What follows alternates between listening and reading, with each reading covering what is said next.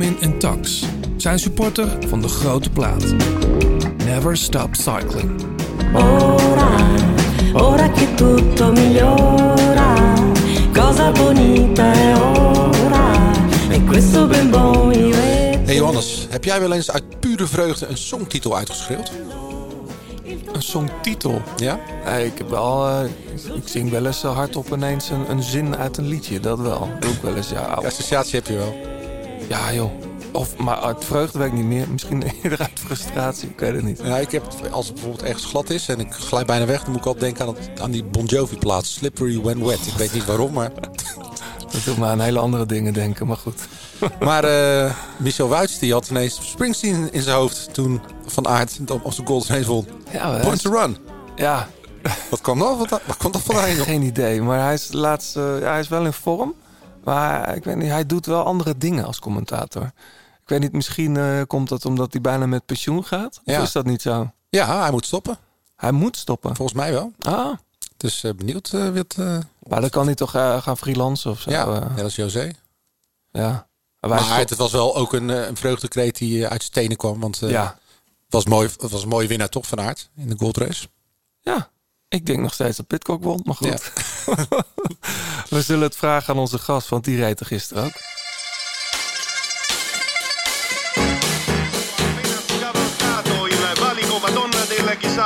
Solo al comando un olandese, Johnny Eugerman della Dat is de liefde.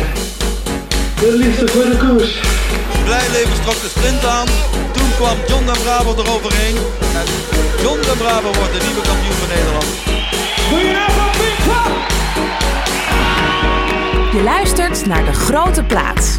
Een podcast van oud-wielerprof en muziekjournalist John de Braber... en muzikant, zanger en wielerfanaat Blauwtsoen. Zij nemen samen de meest opmerkelijke gebeurtenissen in het profpeloton door... bespreken hun favoriete nieuwe muziek... en gaan op zoek naar het muzikale hart van renners... en het wielerhart van artiesten.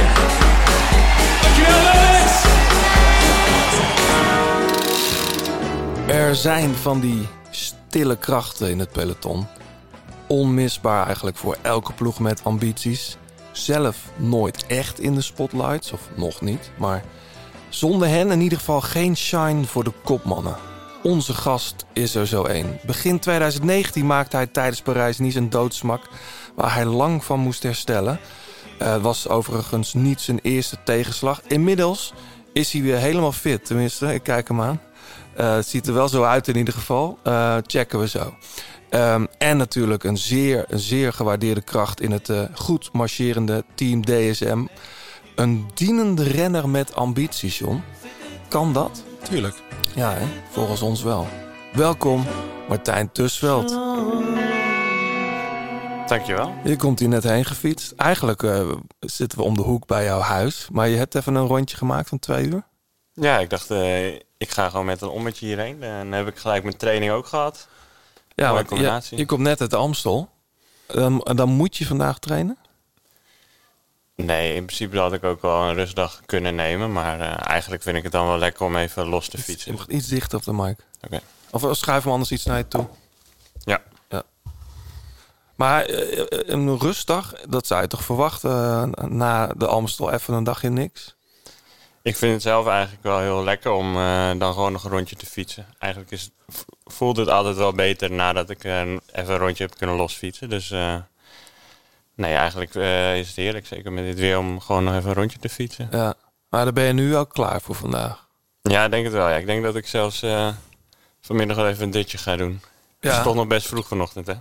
Ja, maar, ja, maar je hebt om negen uur. Ik stap nu op de fiets. Dus het is nu bijna half twaalf. Ehm, Joris Nieuwenhuis, jouw, jouw collega, die, eh, die zegt over jou... wanneer je hem zegt dat hij ergens goed moet zijn... dan kun je altijd op hem rekenen. En het, voor, het voorbeeld noemt hij ook dat vorig jaar... Dat al het berenwerk dat je hebt gedaan in de, in de Giro. En, zegt Joris, hij is een van de weinigen binnen de ploeg... met wie ik over muziek kan praten en luisteren. Dylan, Cash, Clapton. Dat klopt, hè? Ja, dat klopt wel. Ja, ja. Ja. ja. zeker. We hebben altijd wel, eh, wel regelmatig op de kamer gelegen de laatste paar jaar. En dan eh, ja, kwamen we er op een gegeven moment wel achter dat we dezelfde muziek, muzieksmaak hebben. En eh, eigenlijk kom ik straks nog wel op terug met eh, een van de liedjes. Komen we zeker op terug. Komen we zeker Dus, op terug. Want over muziek gesproken. Ik heb er gisteren met Sam oom die zegt... Ja, het zou mooi als je bij, bij Martijn op de kamer ligt. Je kan gewoon alles draaien wat je maar wil. En dat is niet bij, al- bij alle collega's zo. En als je iets hebt, twee keer hebt gedraaid... dan neuriet hij het ook meteen mee. Dus jij, jij, jij houdt van heel veel soorten muziek. Ja, ik luister gewoon ook heel veel soorten muziek. En de meeste ken ik dan ook wel. Ja. Eh Sean heeft ook eh, mooie dingen eh, meegenomen. Net nog iets gewijzigd vlak voordat, eh, voordat we in de opname gingen. Ehm, en we gaan natuurlijk praten, Martijn, over jouw wielerjaar tot nu toe. En over hoe jij hier gekomen bent. En dat bedoel ik niet hier, maar gewoon hoe jij eh, gekomen bent waar je nu staat. En waar gaan we naartoe. Sean, maar eerst natuurlijk even, wat is ons opgevallen? Ja, gelijk naar de Amstel eh, natuurlijk. Prachtige, prachtige wielerdag in het Limburgse. Ja, Met twee, twee, twee mooie winnaars. Hè. De, ene iets meer verwacht dan de ander. Maar vooral Marianne Vos valt me op. die gewoon dit jaar toch weer gewoon twee grote mooie klassiekers wint. Nou, de twee die ze no- nog niet had in ieder Ja. geval, ja. Was, ik vond trouwens bij de dames... De, ja, jij hebt de dames niet gezien, denk ik, Martijn, hè? Ja, het was net eh, toen wij eh, aankwamen bij de start. Maar ik heb de finish nog wel even eh, Ja, op het telefoontje hebben hem kunnen zien. Het was wel mooi. was een spannende finish, ja. Ja. Ik vond, ik vond eerlijk gezegd bij de dames de wedstrijd, de finale, net iets spannender om te kijken. Ehm, maar al met al, bij de, bij de mannen ook een mooie wedstrijd. Het was wel zwaar, hè? Jij hebt me vorige week nog, Martijn. Dit is echt misschien wel zwaarder dan, eh, dan een gewone Amstel.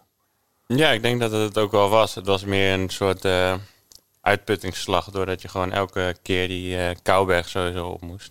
Ja. Ik kreeg een beetje een WK-gevoel erbij. Ja, ja, ja, dat, was, was het ook eigenlijk letterlijk, toch? Ja. Het was toch bijna het WK-parcours van acht van Ja, maar daardoor blijft het ook wel lang gesloten natuurlijk. ja, dat is het eh, precies. En je ziet dan, denk ik, op tv is het misschien wel wat minder eh, interessant om te zien. Maar omdat je niet echt ziet hoe slopend het is. Ja. En dat veel mannen toch sparen voor de finale. En dan, als het een keer ontploft, dan is er gelijk wel 100 man af. Omdat het toch al heel zwaar is geweest, de eerste helft van. Ja, dat vroeg ik me nog af, want ik was ook het hele weekend in Limburg om een beetje te fietsen daar. Eh, eh, ook even op parcours gereden in die Bemelenberg. Dat, dat is, ziet er heel mooi uit, die klim. Maar ik kom daar als wielen, te dikke wielentoerist eh, redelijk makkelijk boven. Hoe is dat dan op een gegeven moment na hoeveel, hoeveel keer? Eh, hoeveel keer heb je hem gedaan? Eh, we hebben twaalf keer het rondje met Kouwberg gedaan. En toen nog één keer dat andere lusje. Dus Maar is zo'n Bemelenberg dan echt op een gegeven moment in de finale echt een, een, een kutding? Of, of rijden dan nog steeds met grote blad eh, hard overheen? Ja, die Bemelenberg is wel, die was natuurlijk wel goed te doen. Maar het is voornamelijk ook op zo'n rondje, zeker opdraaien naar de Kouberg is natuurlijk belangrijk. Die is behoorlijk stijl.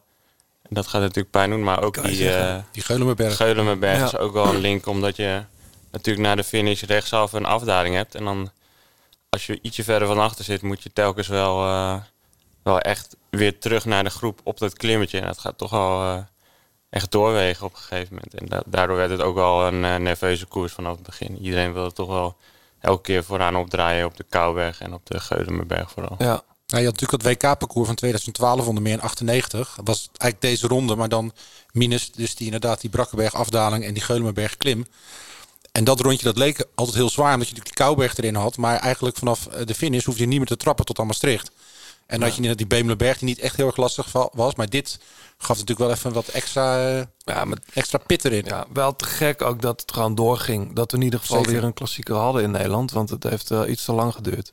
Hey, maar, maar Martijn, die, die laatste lust die jullie dan rijden. eh, stel je voor dat, dat ze die elke keer zouden hebben gedaan. Zou het dan nog lastiger zijn geweest? Want dat is wat werd verteld ook van die finale van de Amsterdam Gold Race. Dat het meer spanning gaf. Ja, dan was het natuurlijk wel eh, geen Kouberg in geweest. Dan was het de, ja, lastig in te schatten. Ik denk wel eigenlijk dat het mooiste zou zijn als het vanaf volgend jaar in ieder geval weer gewoon een normale Amsterdam Gold Race zou zijn. Met gewoon een rondje door heel Limburg. En Lekker Kruisberg, IJzeren Bos, toch- ja, precies. Keutenberg. Dat is toch wel klassiek. En denk ik ook ietsje ja, spannender of ja, explosiever denk ik in ieder geval. Weet je wat mij leuk lijkt? Maar ik ben gewoon gek van. Ik ben ook gek van dat Heuveland daar. Eh, maar dat, dat kan natuurlijk niet. Maar waarom niet? De, de Kamerrieg zit eigenlijk nooit in de finale. Omdat het ligt te ver af van, ja, van, van de bewoonde wereld, om maar zo te zeggen. Ik vind dat wel echt een hele mooie klim. Dat ziet er ook vet uit vanuit de helikopter. Alleen de camera zit altijd heel vroeg eh, in de Amstel normaal gesproken. Ja. Maar goed. Ja, we hebben, ik heb wel eh, bij de belofte hebben we daar wel eens een tijdrit gehad op de kamer. Die echt van drie kanten Klopt, ging. Van die topcompetitie. Ja. Ja. En En eh, dan rij je tot Veilen, toch? Of dat rondje. ja, ja. eigenlijk zou je daar ook wel een, een mooie aankomst bovenop kunnen leggen. Maar ja, dat is natuurlijk... Dit, deze aankomst is nu wel ondertussen... die staat wel redelijk vast, denk ik. Ja, volgens mij is En daar dat ook is gewoon een, voor eh, betaald. ja, toch? Dat is gewoon contract en zo. Hey, nog even over gisteren. Eh, vriend van de show, Ieder Schelling, eh, was lekker bezig. Die won ook de, st- eh, de strijdlust. Ja. Ik weet niet of het terecht was, maar ik gun het hem van harte. Want eh, de jongens in de kopgroep hadden natuurlijk ook al heel veel eh, arbeid gedaan in de aanval. Maar wie, wat mij betreft, ook nog wel verdiend eh, had, was, eh, hoe heet die? Mauri van Zevenhand. Want, eh, heb je, heb, jij hebt dat niet gezien, Martijn, denk ik. Maar die, Ik heb het al een beetje gehoord en ik heb hem ook al eh, een keer eh, langs zien komen met al wat schaafwonden. En Ja. eh, ik hoorde al wel dat hij gevallen was. paar keer en dan weer iets met zijn fiets. En dan kwam hij weer terug. En eh, ja, het gaat verdomd hard vooruit. Maar het, ziet er niet uit. Nee, nee, nee. nee. Nieuwe zelf- Mollema, hè? Of, eh, Weet je, Ja. zelfs, hetzelfde soort renner als ieder, vind ik wel. Ja? Ook een werkertje. En, Ja, eh, oké, dat wel. Maar, maar qua stijl... eh, Nou, ik vind Mollema bijna mooi op de fiets zitten als je, als je van Zevenland ziet. ja. Die had trouwens pech, hè? Op het verkeerde moment gisteren, Ja. Maar ja. Nou, Roglic ook natuurlijk. Ja, ja er is een hoop gebeurd. Eh, eh, voordat we echt- echt verder gaan met de andere opvallende gebeurtenissen... die fotofinish, hè, jongens. Waar kijken we naar? Ik heb geen idee. Dat duurt ten eerste eeuwig voordat er een, een fotofinish is in beeld. Want je zit toch met z'n allen te kijken. Dan zie je uiteindelijk op het telefoon... eh, wordt van een, van een UCI-man... Ja. eh, zie je dat dan zo half schuin in beeld. Daar moet dan uit blijken dat Wout van Aert wint. Dan zie ik vanochtend die foto. Ik heb geen idee. Het is toch die zwarte streep tussen de twee witte. Dat is toch de streep, Martijn? Dat dacht ik ook, ja. Ja, en maar vervolgens op die fotofinish zie ik die zwarte streep niet meer. Finish line was not on the finish line. Ik vind het heel vreemd. Ja, was het nou zoiets dat die camera net iets voor de Ja, stond een paar millimeter ervoor. Want Robin Ja. McEwen die had zich op Facebook ook heel erg boos over gemaakt. Dat je, dat je, daar, daar moet je gewoon van, van op aankunnen dat, je, ja, dat, je, dat daar de, de overwinning wordt behaald. En niet net ervoor of net erna. En zeker als het dan... eh, want het, het leek erop... Ja, ik, ik dacht echt, Pitcock, die heeft hem. Ja, Ik had het ook voorspeld in mijn scorita Ja, ik trouwens. ook. Jij ook, hè? daar komen we nog op terug. Ja, daar kwam op terug. Dan moet goed. wel eh, protest aandienen, denk ik. Nou, dat had ik verwacht. Dat Ine- Ineos dat wel zou doen. Dat hebben ze eh, wel eens eerder gedaan bij de Engelsen. Toen werd Pitcock nog derde, weet je nog? Ja. Eekhoff, eh, Oh, ja. ja.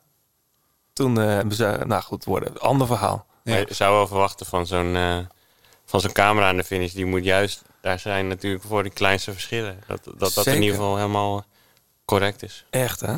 Ja. Maar goed. Eh Ja. John, wat, wat is jou verder nog meer opgevallen? Ehm, de, eh, mogen we het een, een reizenis noemen van Mark Cavendish?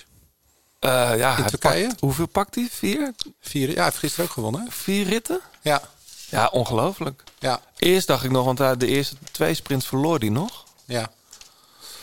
Denk, Ja, oh, van- het, zou, het zou toch niet dat hij eh, zonder prijs, maar dan ja, het was mooi om te zien. Nou, En ik hij stuur, ik genoot stuurde jou nog een appje van... eh, die gaat Quickstep nog heel veel zegens kosten. Ja, En eh, twee uur later wint hij zijn eerste koers. ja. Nou ja, kijk, trouwens, weet eh, je, de, de zuurpruimen zitten natuurlijk weer van... eh, er waren geen echt rappe mannen. En eh, als daar straks de echte kleppers komen, Ewan en zo... Dan, dan, maar doe het maar, hè. Zeker. Ja, die Philips, hè, die won wel een scheldprijs Ja, natuurlijk. daarom. Dus ja, daarom. Dus gewoon- nou is ook geen koekenbak. Het zit gewoon goed in zijn kop. En ik, ik ben nooit echt... Ik vind het een beetje een naar mannetje. Maar ik vind het wel mooi hoe hij zich nu... bijna als, als een belofte weer op de fiets eh, wil, wil bewijzen. Het is, ik vind hem maar geen naar mannetje. Nou, veel aardige dingen geflikt. gewoon een rockster, man. eh, nou ja, oké. Oké. Maar even los nog van- los van Mark, eh, los van Mark, eh, Fabio startte daar weer. Ja. Er was afgesproken, denk ik, dat hij zich niet mocht bemoeien met de massasprints. Of hij heeft nog wel op kop gereden, een van die ritten die eh, Kevin is. Nou, een paar keer. Ehm, Ja, maar die moet gewoon even het gevoel krijgen om eh wielrenner te zijn. ja, Dat is het allerbelangrijkste. Gewoon lekker in het peloton zijn. En weer eh, gewoon het. eh, hij heeft natuurlijk het voordeel dat hij van die val zelf niks meer weet. ja. Maar eh, hij heeft natuurlijk het- de treuren die, eh, die foto's en die beelden waarschijnlijk ook voorbij zien komen, gewild of ongewild. Mhm. Dus hij moet gewoon het gevoel krijgen en hij zag er, hij zag er blij uit. Was ja fijn om leuk. te zien. Echt gaaf om te zien, ja. Heb jij contact met Fabio? Ken je hem goed? Fabio Jacobsen? Ik heb niet veel contact meer met hem gehad. Ik heb Nee. wel ja, in de koers eh, wel regelmatig gesproken. Zeker toen in zijn eerste Vuelta vaak gesproken. Ja. Ehm, na zijn val ehm, niet echt meer. Ik heb wel een aantal keer een bericht gestuurd, kort, maar niet eh, Nee. lang gesproken. Mooi om te zien toch, dat hij weer terug is. Ja, zeker. Ja. Ik vond ook wel een heftig beeld eh, dat die eh, valpartij er was bij het hek. En dat hij dan eh, degene is die daar dan Ja. bij staat. Maar je, hebt, je noemt het woord hek, maar waarom eh, zijn er van dat soort hekken nog daar? Omdat er gewoon geen duidelijke wet, eh, regelgeving voor is. Nee. En diezelfde was het niet eh, een van de laatste dagen dat ze echt een sprint hadden waar ze met 80 per uur ook Ja, eh, ja. ja. weer ene laatste dag die Philipsen won. Ja, welkom terug Fabio Jacobsen. En dan zet je zo'n parcours neer. Ja, nou ik heb wel goede hoop dat nu die nieuwe eh, balustrades die ze hebben in België, die, eh, dat ziet er echt heel goed uit. En ook van echt van die hele grote, ja, bijna bumpers bij, die op eh vluchtheuvel staan. Ja, maar dat is Vlaanderen. Ja, maar dat kan toch eh, doorgetrokken worden? Nou, graag. Bedoel, als de UCI kan verzinnen dat je geen bidonnetje weg mag gooien, dan kunnen ze toch ook verzinnen dat een organisatie verplicht is om bepaalde barriers te gebruiken. Ik bedoel, in de festivalwereld is het toch ook zo heel Ja. anders? Ja. Dat die mojo barriers, dat mensen niet geplet kunnen worden eh, als... eh, Nou, sterker nog, die, die Mojo barriers, inderdaad, die, die, zijn, die zijn, gaan de hele wereld over. ja, dus dat laat dat een, eh, een, een, een voorbeeld zijn. Ja. Verder nog, John. Ja, eh, Jumbo-Visma, eh, de KMU en de NOC-NSF hebben de handen ineen geslagen. Eh, Ja. Talentontwikkeling. Ik moet nog precies zien wat het in gaat houden en, en wat voor niveaus eh, dat, eh, dat Hoe gaat heet gebeuren. het precies? Eh, cycl- cycl- Cycling Class NL. Ja, en wat is het idee? Ja, ze willen dus veel eh, intensiever eh, met, met talentontwikkeling eh, be- bezig gaan houden Ja. en samenwerken. Dus dat is, op, dat is hartstikke goed. Gericht op, op eh, mannen en vrouwen en Ja. non-binaire, denk ik. Van Ja. 15 tot, tot en met 18 jaar. Ja. En dat, dat is wel. Daar hadden we het natuurlijk laatst met, eh, met Richard Plug ook over. Dat nu door corona heel veel meiden en jongens, trouwens in alle sporten, zich een soort van terugtrekken. Want ja, je doet dit om wedstrijden te spelen of te, te rijden of wat dan ook. Ja. Dat je die hele generatie een beetje kwijtraakt. Ja, en, en, en te groeien natuurlijk. Weet je, ik denk dat Martijn kan beamen dat als jij 19, 20 jaar bent, dat zijn echt heel belangrijke jaren in je ontwikkeling als renner. Ja. Dan ga je echt van de snotneuzen naar de grote jongens, vanaf de junioren zeg maar, naar belofte. Of een stapje. En daar, ja, daar moet je als renner jezelf vormen. En los van het feit dat de motivatie minder wordt, eh, mis je gewoon echt twee jaar ook fysieke ontwikkeling. Ja. Hier wou jij het nog even over hebben. Ja. DMX. DMX DMX. is overleden. Is, is een beetje onderschatte MC. Hè? Het is, als je kijkt naar de geschiedenisboeken, dat eh, in de wielen, of in de wielen, in de muziekwereld is het een echt grote naam. Maar Ja. buiten op straat zullen niet veel mensen weten wie het Ja, is. deze track wel. Ja. Ik denk dat heel veel mensen hierop gedanst hebben. Maar inderdaad, wat je zegt, binnen de hip-hopwereld is het een grootheid. Ja. En, eh, en daarbuiten is het een soort van. Ja, hij heeft natuurlijk niet. Hij heeft wel, wel hits gehad, maar het is. Ja, ik vind het wel, wel mooi. Ja, echt eh, de Hij is eh, in het ziekenhuis overleden. ja, ik. 50 jaar maar geworden. En Ja. ja. ja, de Master of Hardcore Rap hè, werd hij wel genoemd. Ja. En eh, hij had 15 kinderen. Goed bij negen verschillende vrouwen. Dus hij heeft niet met Bij plassen negen versleten. verschillende Ja. vrouwen. Classic. een eh, detail. DMX, ja, ja, jammer dat hij, eh, dat hij er niet meer is. Ja. Hey, nog een laatste dingetje. Vandaag maakt Tony Paltzer zijn debuut in de World Tour. Help of de me, World Tour. help me even. Zegt die naam jou wat? Tony Paltzer. Tony Paltzer. Nee. Bij Bora Hans Grohe. Ja, maar ik moet me echt even Dat is een, eh, een duurskier. Oh, Ah, ja, dat heb ik heb gelezen. Die ze vorig jaar hadden ze... eh, Iemand had gezegd, die moet je eens gaan testen. Want die trapt waardes daar... eh, dat, dat is niet normaal. En die heeft, eh, die heeft een contract gekregen. Oh, wat geweldig. En die gaat vandaag voor het eerst koersen. Dus ik, ik vind het echt bizar. Want er, is, er was ook bij Alpecin zo'n jongen die via Swift... Ja, die reed in Turkije. Maar, maar ik bedoel, als je hard op Swift rijdt of op een test, dan ben je toch nog geen coureur? Of is, Nee, ja, nee, hij werd eh, tweede daar in Turkije. Tweede die in jongen. Turkije, Ja. die gast. Dat is natuurlijk nog wel eh, wat anders dan, eh, ja, weet ik veel, ergens in uh, Baskeland. deze Ja. Baskeland. Omdat je in, daar in Turkije waarschijnlijk een klim van 20 kilometer hebt, dan hoef je je niet te positioneren. nee, dat is waar. En inderdaad, ik heb ook al wel eh, verhalen van jongens bij de junioren en beloften gehad dat van jongens die een eh, VO2 max hadden van boven de 90, die er uiteindelijk ook niet kwamen. Dus alleen met dat kan je er natuurlijk niet komen. Dus ik ben, eh, ja... Nee, maar dat, dat, als, als jij, zeg maar, we hadden het net over die ontwikkelingsjaren. Als je die nooit hebt meegemaakt en je, Paltzer. en je Ja, stapt de wel een mooie 25 naam op, op een racefiets en je zit ineens in zo'n peloton. Dat is toch...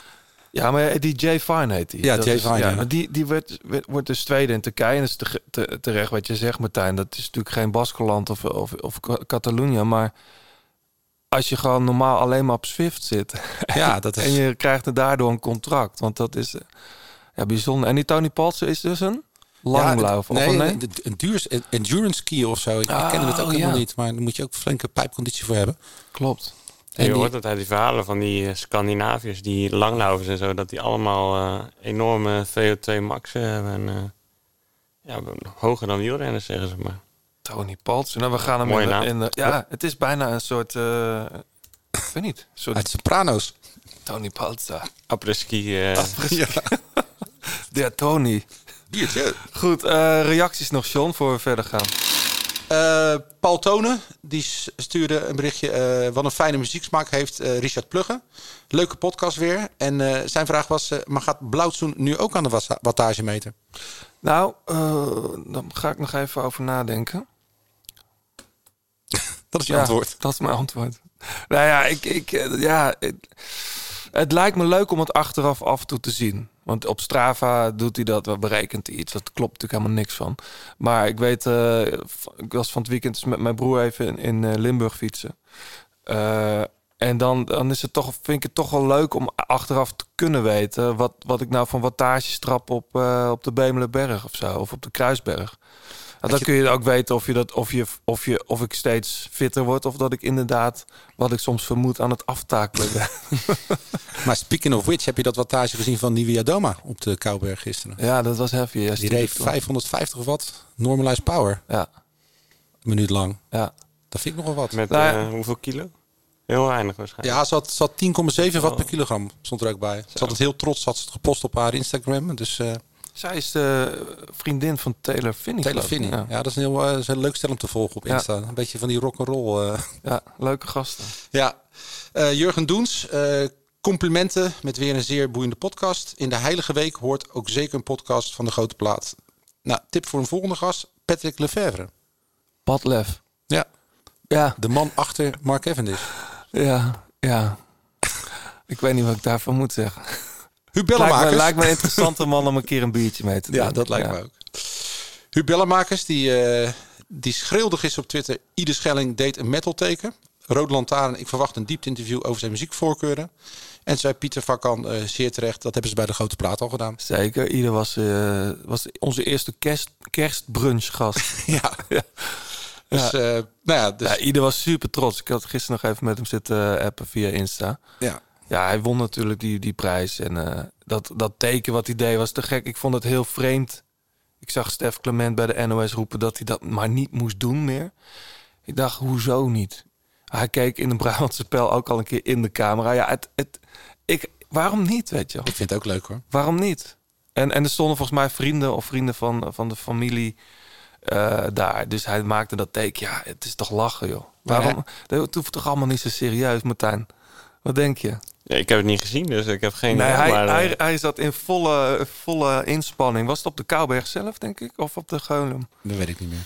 En hij maakte ineens zo'n eh, zo'n rock'n'roll teken naar mensen in de... En, en ondertussen kijkt hij in de camera. Ja, hij, ja, ja, ja, moet kunnen toch? ja toch? Ja, Hoeft hij- niet allemaal eh, zo serieus te Nee. zijn. Voorlopig rijdt hij er wel. Ja, Als hij gelost wordt en het doet het dan, dan had ik het anders gevonden. ja. Jij vond het niet zo gezien. slim, hè, die reed? Nou ja, als, als hij bovenop de Kouberg komt en, eh, en hij hangt nog net aan de kopgroep, die heeft het goed gedaan. Maar nu werd hij eigenlijk op het slechtste moment Ja. werd hij ingelopen. Dus ja, Ja, dat is gewoon denk- de gok die je neemt. Ik denk wel dat hij daarop hoopte. Want hij had, Tuurlijk. hij had natuurlijk een vrije rol. Maar ja, totdat Schachman aan de beurt is. Want die was natuurlijk duidelijk wel de kopman. Ja, en de beste man in koers volgens mij ook. Denk je? Ja, ik vond hem goed rijden. Dan had hij die sprint moeten winnen. Ja, maar dat is... eh, was dus waarschijnlijk wel tactiek dat ze eh, de koers zwaar wilden maken voor Schachman. Ja. Als hij zo sterk was dus. Heeft hij wel knap gedaan. Heb jij eigenlijk een lekkere koers gereden? Gisteren? Ik heb wel een redelijk lekkere koers gereden. Ik heb... eh, eh, in Baskeland ben ik gevallen en eh, daar eh, behoorlijk wat moeite mee gehad toen. En ja. gisteren had ik vooral de taak om met, de hele dag met t-shirt rond te rijden. Ja. Dus dat was al wel... Hoe is het met Tisha eigenlijk? Want het is niet het voorjaar wat, wat die gehoopt had, denk ik. Nee, die is ook... ja, we hebben hoop mannen die een beetje ziek zijn geweest eh, rond Parijs-Nice en Tirreno. Ik hoorde het, ja. En eh, ja, daar had hij volgens mij wat last van in het voorjaar. En daarna heeft hij... Na de Ronde van Vlaanderen is hij eh, nog naar Spanje geweest om te trainen. En het ging nu wel redelijk, maar nog niet, eh, niet super. Ja. Hij zat wel goed in het groepje daarachter. Maar eh, moest nog een beetje inhouden in de sprint, eh vertelde hij me. Ja. Maar hij doet ook nog eh, luik. Dus eh, ja, ik ben hem nog niet. Dus daar mag jij ook naartoe. Ja, Waalspel en luik doe ik nog. eh, Lekker, man. Hele Ardennenblok. Hey, voordat we verder praten, wie wint nou het shirt, eh John? Want anders vergeten we dat en we krijgen een hele boze reactie. Eh, ja, dan bepaal jij dat een keer. Nou, laat Huub bellen maken zelf dan maar. Ja, Huub? Oké. Nou, Moet hij er wel in gaan rijden? Ja, nou dat doet hij wel hoor. Ja, hè? Fiets je eigenlijk, Huub? Ik weet het niet. Denk het wel. Iedereen fietst in ons land. Ja. Je luistert nog steeds naar De Grote Plaat. Heb je tips of heb je een vraag? Laat het dan weten via Twitter, het Grote Plaat of Instagram. En laat een reactie en een beoordeling achter op Apple Podcast. Martijn, nogmaals van harte welkom, jongen. Dankjewel. Ehm, hoe gaat het eigenlijk fysiek met je? Want Amstel ben je goed doorgekomen. Baskeland gevallen, vertelde je net al. Ehm, je hebt voor, ja, vorig jaar was het toch Parijs-Nice? Dat je zo hard... Twee jaar geleden. Twee, oh, twee jaar geleden. Ik zit, ja, Ja. Twee, 2019. Het is heel gek hoe je het vorig jaar bijna vergeet, hè? Klopt. 2020. Ja, nee, 2019. Het gekke was, je viel toen echt heel hard. Maar je, in de Dauphiné stond je, stond je er weer. Ja, daar ben ik wel gestart. En ik heb ook wel gefinished, maar daar bleef het ook wel een beetje bij. Nou, dat vind ik al heel wat. Ja, ik heb wel toen eh, volgens mij eh, negen weken niet gefietst. In ieder geval geen eh, alleen maar vloeibaar eten kunnen, Ja. kunnen nemen. Dus dat was wel een pittige blessure. En eh, ja, nog steeds ben ik wel bezig met die revalidatie daarvan. Eh, ja, dat is gewoon. Nog steeds. Maar geval- je rijdt gewoon op het hoogste niveau rond. ja, het is niet dat ik, dat ik daardoor op dit moment minder fiets. Maar ehm, het is wel een lang traject om, om alles weer goed terecht te zetten. Want wat, wat is precies aan de hand allemaal? Eigenlijk heeft het, is ja, wat Fabio heeft, in dat traject zit ik nu ook een beetje. Mhm. Wel op, eh, hij heeft er nou een stuk meer tanden verloren en ook eh, bezig met zijn implantaten. Maar bij mij ehm, heb ik eerst in ieder geval ehm, ja, ik moet herstellen van die kaakbreuk. En daarna moet je dan, ja, ik ben een paar tanden kwijtgeraakt ook bij die valpartij. En eh, ja, dan op een gegeven moment moeten ze het bot op gaan bouwen, wat nu ook bij Fabio is gebeurd. Ja. Eh, bij mij heeft het eh, langer geduurd voordat die eh, operatie was, omdat er dan ook een hoop tanden scheef zijn gestaan door de operatie die ik gelijk na die valpartij heb gehad. Oké. En toen, toen kon ik ervoor kiezen om gelijk die, eh die botopbouw te laten doen. Maar dan had, had ik wel altijd met een hoop scheve tanden moeten staan. Dus nu heb ik al zo'n anderhalf, nee, wat is het? Bijna anderhalf jaar wel een beugel. Ja. Om alles weer helemaal recht te zetten. En dan komt het uiteindelijk allemaal, eh, allemaal weer mooi recht te staan. Maar botopbouw, is dat, moeten ze dat uit- ergens anders uit je lichaam vandaan halen? Dat heb ik wel eens gehoord. Ja, ja, bij mij hebben ze het eh, bij mijn eh verstandskies weggehaald aan de zijkant. En dat, dat is afgelopen december gebeurd. Daar heb ik wel nog uiteindelijk best wat geluk mee gehad. Het was helemaal wel gepland om dat na de afgelopen Giro te doen, dus in Mhm. november. Maar eh, met de coronacrisis was dat toch nog eh, best wel een lastig verhaal. Werd behoorlijk eh, tijd uitgesteld. Ook omdat dit soort operaties niet heel urgent zijn, waren dat de eerste die ze eigenlijk eruit gooien. Mm. Dus dan maken ze voor keer. topsporters geen, geen uitzondering. Of eh, bij Team DSM hebben ze geen tandarts of chirurg rondlopen. Nee, geen kaakchirurg Nee, toevallig. Nee. Nee. Even niet voor elke eh, specialisatie een eh, chirurg. Maar uiteindelijk ben ik op 10 december heb ik die operatie gehad. En dat was dezelfde dag dat, dat Rutte in het torentje nieuwe lockdown liet ingaan. Dus ik heb eigenlijk nog heel veel geluk gehad. Ja. Want ik denk op dit moment dit soort operaties eh, ook niet doorgaan. Dus Want hoe lang heb je daarvan moeten herstellen dan? Want dan kon je na die operatie ook niet meer trainen of... of, of... nee, dan moest ik twee weken eh, rust nemen. Echt rust. Het was wel echt goed dat het eh, nog in december kon. Ja. Ehm, en daarvan moet dat bot dan ook weer herstellen. En volgende week na de Luik naar Luik, dan gaan ze bij mij implantaten zetten. Daarvan ehm, moet ik dan ook weer een aantal maanden herstellen. En dan kunnen ze de tanden erop zetten. En dan is eigenlijk het traject afgelopen. Een mooi beroep, hè, wielrennen? Ja, ja. hartstikke leuk. Ja, want zo'n implantaat moet eerst echt hechten. Hè? Want als het niet goed hecht, dan, eh, dan kan je weer helemaal opnieuw beginnen. Ja, ik geloof dat, dat, dat er verschillende manieren zijn dat het, dat het gebeurt. Ik ben ook niet helemaal specialist, maar ik eh, word dan eh, geholpen in het UMC. En daar schijnen ze dus eerst implantaten te doen, dan nog een tijd rust en dan de tanden. En er zijn blijkbaar ook wel ziekenhuizen die dat in één keer kunnen. Maar dat, eh, ja, ze zeiden bij mij in ieder geval dat, dat het dan mindere kwaliteit was. Ja. Kun, kun jij kun je de dag nog goed herinneren? Dat je gevallen bent? Want Fabio weet er niks meer vanaf. Hoe was dat bij jou? Ja, ik wel, ja. Ik, eh, ik, ik heb eigenlijk eh, alles heel bewust meegemaakt. Dus eh, ik ben niet bij het bewust, bewustzijn geweest. Ik heb het gisteren nog even teruggekeken, maar had het nou ook iets met de wind te maken of zo? Het waarde heel hard die dag. Ja, het was echt windkracht eh 9 of zo. Was echt, Wil je eh, nog wat water enorm. trouwens? Oh, lekker. De- de- Toen toen viel Matthews toch ook? Was er dezelfde rit, toch? Ja, het was, het was echt een, eh, een hele linker rit. Windkracht 9 en daar bij Parijs is het helemaal open. Een rechte Flinke weg. waaiers. Ja. Ja. Eh, Matthews viel inderdaad ook al. Die, dus een wiel die, die eh, schoot eigenlijk onder een auto en daardoor viel hij tegen, tegen de auto aan. En eh, ja, ik viel, eh, ja, het was al helemaal in waaiers en we zaten nog denk ik met 60 man. En ik zat nog met eh, Wilco op dat moment erbij. Mhm. En ik, ja, ik weet eigenlijk ook niet precies wat er, wat er gebeurd is. Of het iets met de wind te maken heeft of, of niet. In ieder geval schoot in één keer mijn wiel weg. En normaal, als je al voelt dat je gaat vallen, dan kan je het wel opvangen. En nu heb ik dat dus niet kunnen doen en echt op mijn eh, gezicht gevallen. Maar niet, eh, niet echt op mijn hoofd, maar alleen op de onderkant. Dus bij mijn gezicht, bij mijn kaak. Waardoor ik wel alles helemaal bewust heb meegemaakt. En eh, ja, dat kan ik me nog wel goed herinneren. Dat, dat blijft wel in je geheugen zitten, ja. Heeft het je als renner ook veranderd? Doe, ga, ga je nog even gemakkelijk een waaier in bijvoorbeeld? Of denk je toch oei? Eigenlijk was ik verbaasd over hoe, eh, hoe weinig het me veranderd heeft. Ik ben ook wel eh, in die periode dat ik niet kon fietsen naar een eh, sportpsycholoog geweest. Ook via, via de ploeg bijgekomen. Mhm. Dat was wel een goeie- goed idee om dat te doen. Want ik was eigenlijk wel bang dat ik misschien angst had om in de peloton te rijden.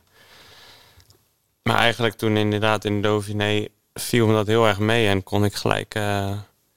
ja, durfde ik wel weer gewoon in het peloton te rijden. Ik moet wel zeggen, de eerste keer dat het weer echt hard waaien en dat we allemaal op een lint op dat kantje zaten, dat, toen, eh, toen dacht ik wel weer even terug aan dat moment. Maar ik moet zeggen dat het nu eigenlijk wel weer. eh, ja, eigenlijk gaat het gewoon goed. Ja. Maar wat, wat heb je van die sportpsycholoog geleerd dan?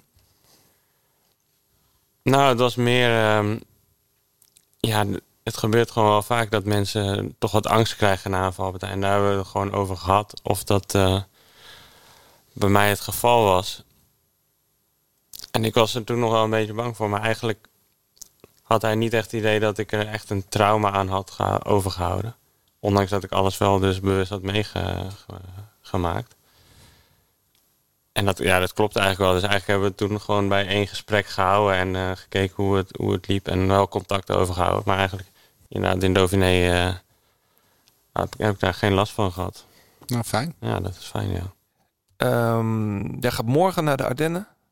Of nou, eigenlijk naar Maastricht. Ja, we gaan weer eh, terug naar Maastricht. Eh, morgen uh, de heen en woensdag Waalspel en eh, komende week ook uh, Luik, Luik was naar Luik. Is, is het nou een leuke koers om te rijden, die Waalspel? Want het is natuurlijk zo voorspelbaar als... Voor de kijker... Uh... ik heb het nog nooit gedaan eigenlijk. Oh, okay. dus oh, moet ik zeggen. Nee. Oh, maar je kent de muur van Hoei? Ja, die heb ik wel eens gedaan. Ja. Nee, dat is geen, uh, geen leuke klim eigenlijk. Hè? Prachtig dat logo, hè? Van die ja. muur, altijd op die... Uh... Ja, het is... Ja, uh, ik denk dat het ja, ook wel een mooie, mooie omgeving is om te fietsen. Maar ja. het, dat is natuurlijk nu met die, die nieuwe finale van de Amsterdam Gold Race... is het toch wel wat opener geworden. Dat is wat vroeger begin, omdat je niet meer uh, de angst hebt voor de laatste keer Kouwberg. Ja, ja, ja. En dat is natuurlijk ook wel het klassieke aan de Waalse spel, dat die muur komt en daardoor wacht iedereen. Ja, ik denk dat dat, het is, een- het wordt wat voorspelbaarder, maar dat is denk ik ook wel weer mooi dat bepaalde koersen dat dan weer hebben en dat andere koersen dan juist weer wat vroeger geopend worden. Dat was vorig jaar een beetje de, de doorbraak naar het grote publiek van Van Zevenhand, hè? Vorig jaar. Die reed op kop en eh, die, Ja. die stuurde toen eens de, De de, Mauri, ja. de, Die de bosjes viel, in. Ja, die viel op een gekke manier. Dat was, eh, ja. En toen zei hij nog dat hij het misschien wel gehouden had. Ja? Tot ja, hij was overtuigd dat hij, dat hij ging winnen. Ja. Ik denk dat ik hem niet ging hebben. Dat was denk ik tijdens de Giro, denk ik. Ik weet wel dat het uh, Mark Hirschi won. Zeker. Maar, uh, toen, nog ben je, toen nog je Ja. ploeg, ploeg, uh, ploegmaat. ja. Ehm, ja, ik vind, het, ik vind het altijd een rare koers. Ik, ik, ik kijk de finale wel. En, maar je zult net zien, als je dan een keer alleen besluit... het echt het laatste twee rondjes te kijken... dat er dan al van alles gebeurd is, wat je dan weer mist. Maar Ik kan me niet heugen dat, eh, dat er een keer vluchters weg zijn gebleven. ik wel. Ja, met Wies. Drie jongens Die van drie Gries man, in hetzelfde ja. shirt. Eh, man, wat een finale. En toen, toen was ik nog net naïef. Toen dacht ik, wow. Sterker nog, jij, jij hebt een shirt. Of had Ik heb shirt? twee van die shirts boven op de Alpe d'Huez gekocht. Mijn vader heeft er ook eentje. Ja. Die fiets hij nog steeds in. was een mooi, mo- mooi ik, shirt. ik ben op een gegeven moment, eh fiets ik er ook nog in. Nu heb ik alleen nog maar zwart, maar ik had hem nog wel eens aan. Voor de, ook een beetje voor de grap. En ehm, kenners, door kenners werd je dan gewoon uitgescholden. Hé hey, Paula, je. ja, dat was natuurlijk, eh, dat was, een beetje die hadden het toch een beetje uitgevonden, die jongens daar. Man. Maar weet je nog wie de kopgroep was? Eh, Argentin, Voerlan en Berzin. Zeker. En Argentin moest winnen. Dat was eh, volgens mij zijn laatste jaar. Ja. Man, ja. Nee, dat, maar verder kan ik me ook geen vlucht herinneren die weg is gebleven. Eh, wat voor verzet draai je daar eigenlijk op de, op de, op de muur van Oei? In, in volle finale. Volgens mij eh, hebben wij gewoon de 39 wel Ja? Als binnenblad en 30 dan. Ja. Ik En, dat, en draai dan, is het dan zo dat je elke klim, want hoe vaak doe je hem? Weet ik veel, tig keer. Maar Nee, nee, drie keer volgens mij. Volgens mij eh, Huh? drie keer, ja. drie keer maar. Ja. Ja. Ah, ik dacht dat dit er vijf of zes Ze komen keer- meestal de uitzendingen in als ze hem voor de eerste keer overgaan. Ja, ja. ja. Volgens mij Maar rij je hem keer. dan altijd met hetzelfde verzet? Of, als je, of is het echt de laatste keer dat de volle bak wordt gereden dat het dan anders is? Nou, die keer daarvoor gaat het ook al wel vaak hard. Ja. Maar dan net ietsje, net ietsje minder. Maar ik denk dat je dan eh, dat je de eerste twee keer wel sowieso op de lichtste zit. Ja. Misschien de laatste keer eh, dat, eh, dat de sterkste één of twee tandjes zwaarder zitten. Maar er zit niet veel. eh. Ik denk dat kan drie, niet veel. eh, drie keer van peloton die Het rijdt is wel grappig hoe jij over de Waalse spel praat, terwijl je hem nog nooit hebt gereden. ja, ik heb de klim wel eens gedaan. nou ja, dat, dat, daar moet ik aan denken. Want dat, dat zei eh, Sam ook. Van, dus heeft zo'n grote kennis van parcoursen. Dus het is gewoon een encyclopedie. Van, van hoe routes lopen, hoe wedstrijden gaan. Als je ergens één keer bent geweest, dan vergeet je het nooit meer. Dat klopt, hè? Ja, wel grappig. Ik heb wel flink eh, lang gesproken met Ja, eh, joh. Sam dan. Net, en meteen naar de koers gisteren. Meteen naar de, naar de finish. Ja, nee, dat, dat klopt wel. Ja, ik, ik, eh, ja, ik vind het ook altijd wel eh, het leuke aan, eh, aan eh, het wielrennen zijn dat je op zoveel verschillende plekken komt. En dan kijk ik ook wel graag van, ja, waar ben ik nou precies geweest en wat hebben we nou precies gezien? En dan, Achteraf ga je dat dan bekijken nog. ja, of, of de, als ik er ben, dat ik denk van, ah ja, waar, waar zitten we nou eigenlijk precies als we ergens in Italië zitten? En, en dan ga ik toch even kijken van, ah ja, ben ik hier misschien al een keer geweest in de buurt? Mhm. Vind ik gewoon ja, wel leuk om te zien waar ik nou allemaal geweest ben. En dan stel je komt er nog een keer, dan, dan onthoud je het ook. Dan weet je Ja. van, oh ja, hier ben ik vorige keer, eh, of twee jaar geleden ook al geweest. En dan ja, onthoud je het blijkbaar toch beter, ja. Ben, je, ben je eigenlijk terug geweest in die plek waar je zo gevallen bent? Ja, ben ik terug geweest, ja. Spe- speciaal om daar gewoon weer te zijn. Eigenlijk, eh, omdat ik dus niet echt precies wist eh, wat er gebeurd was, ging ik eigenlijk wel op zoek om te kijken of, eh, of ik iets kon vinden wat gek was. Dat er een onregelmatigheid in het wegdek zat of zo. Echt? Om dat te, om, echt om dat te checken? Omdat het... Ja, omdat het wel een beetje in mijn hoofd zat dat ik niet, niet wist waardoor die valpartij kwam. Ja. Ik ben er naartoe geweest eh, dat jaar, het einde van dit jaar, 2019. Maar echt bewust er naartoe. Dus niet Ja. toevallig in de buurt, maar... Nou ja, eh, ik had al een aantal mensen die zeiden van ja, misschien moet je gewoon een keer naartoe gaan om naar te kijken. En toen Ja. dacht ik, ja. Uiteindelijk ben ik toen met mijn, mijn vader eh erheen gereden in, in mijn off-season eigenlijk. Eh, ja, gewoon eh, die kant op gereden, naar het parcours gereden en eigenlijk de laatste 10 kilometer voor die valpartij gefietst. Met je pa. ja, die, die zat dan wel in de auto Oh, ja. achter me aan.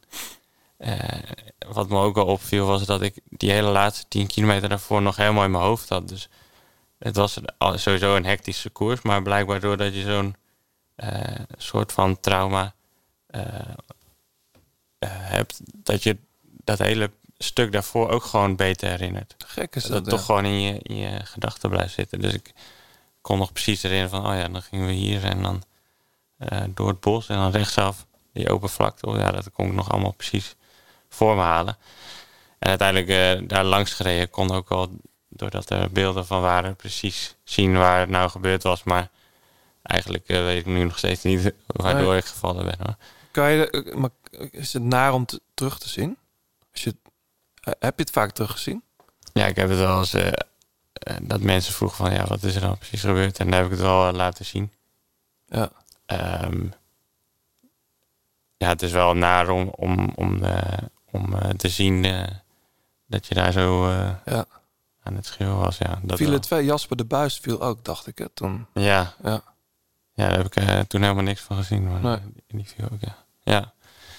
Nee, ja, dat, is- dat, dat is wel... eh, nou, het was wel goed om daar, eh, daarheen te gaan eigenlijk. Om dat in ieder geval af te sluiten. Ook al wist ik niet precies wat er nou uiteindelijk gebeurd is. Maar uiteindelijk eh, wel goed om daarheen te gaan. Om dat af te sluiten, denk ik. En eh, ja, daarna ben ik gewoon even twee dagen nog in Parijs geweest met mijn vader. Was ook, Ja.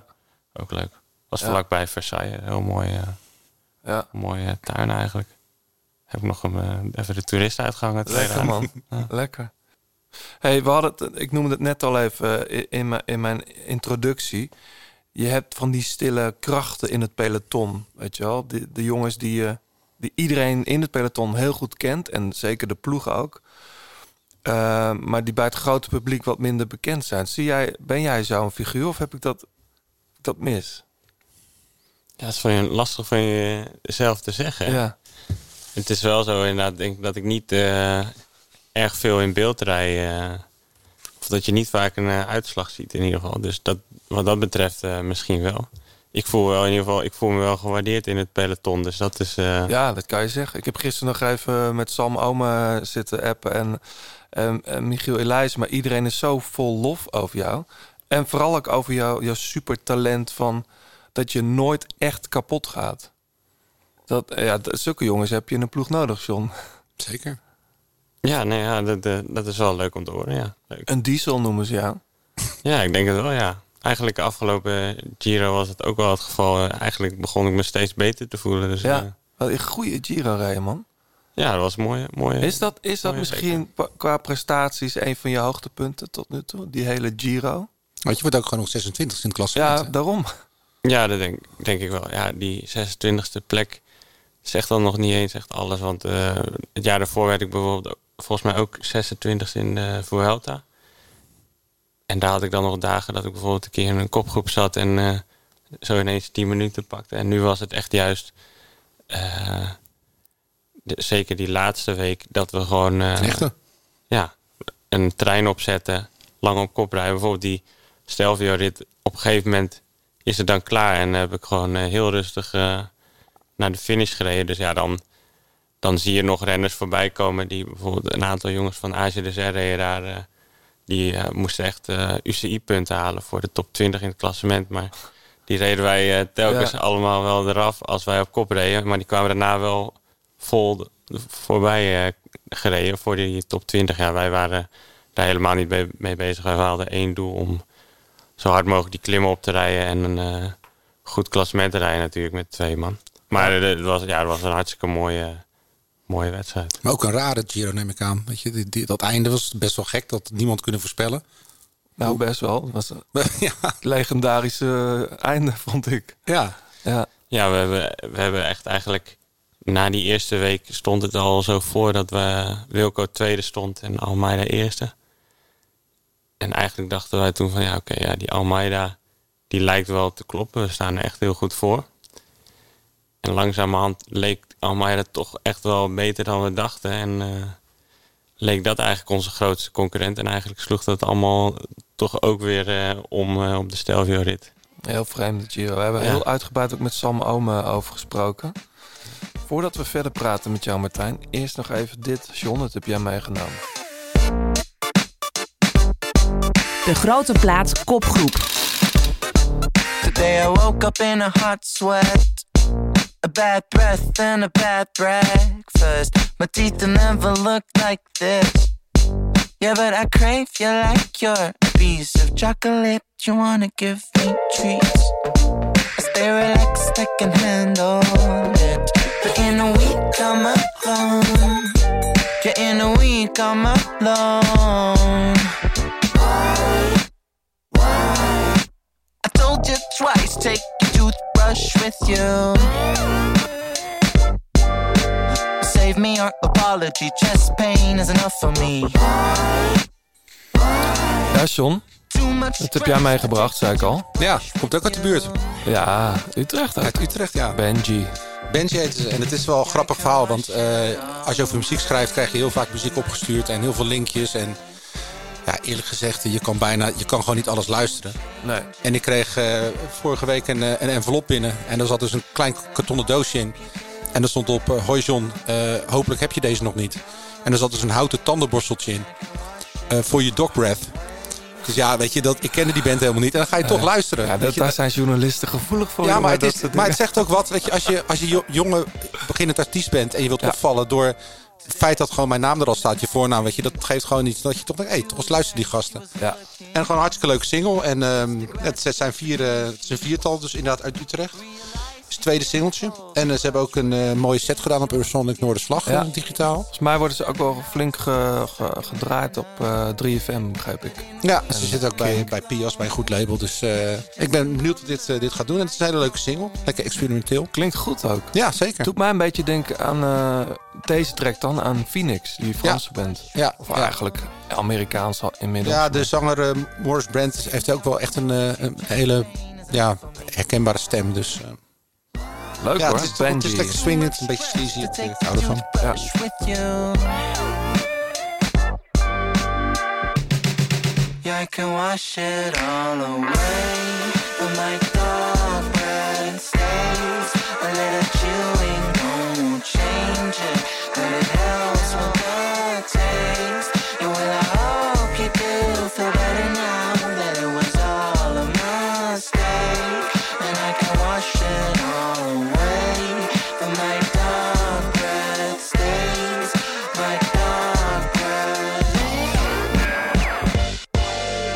Anders.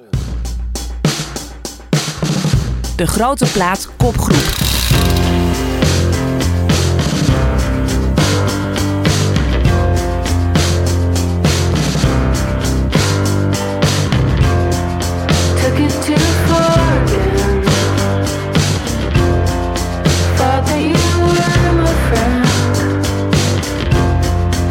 Just got the wrong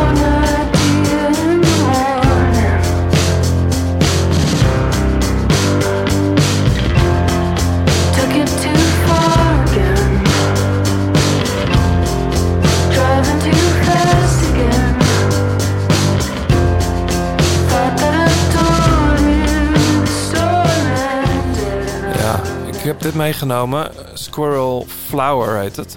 Ja, je moet... Ik zat laatst nog te twijfelen, moeten we niet hele tracks af en toe draaien, maar... eh, dit, dit is een song die moet je echt eh, van begin tot einde even checken, want er gebeurt Daar hebben we de playlist nog voor? Daar hebben we de playlist voor, dat is ook zo. Eh, Ella Williams is haar echte naam. Klinkt wel lekker 90s, vind ik. Alles is tegenwoordig weer nice. Ja.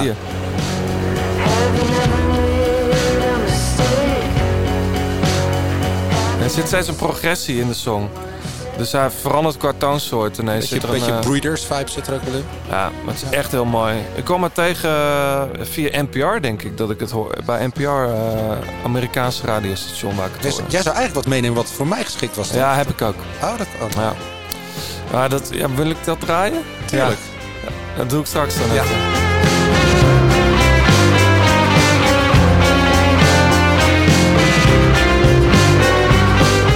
Check deze plaat, eh, dames. Echt, ik vind het heel tof. Volgens mij ehm, ze speelt zelf ook gitaar, piano, alles doet ze eigenlijk zelf. Vind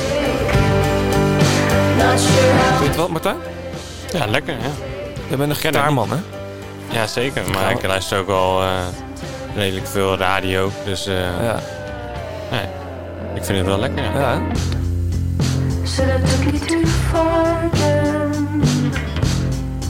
you thought I was your friend. But I just got the wrong idea in the morning, and I'm never wrong. hey Martijn, ehm, even weer terug naar jou. Jij weet, eh, denk ik, dat wij altijd als wij renners of rensters aan tafel hebben, dan doen wij eh, altijd de grote plaat dilemma's. En eh, daarin eh, stellen wij jou voor een aantal dilemma's of geven jou, we geven jou een aantal stellingen. En jij mag reageren met ja of nee, of je moet een keuze maken uit twee antwoorden. Eh, je mag dan ook terugkomen op één of meerdere stellingen. En wij ook.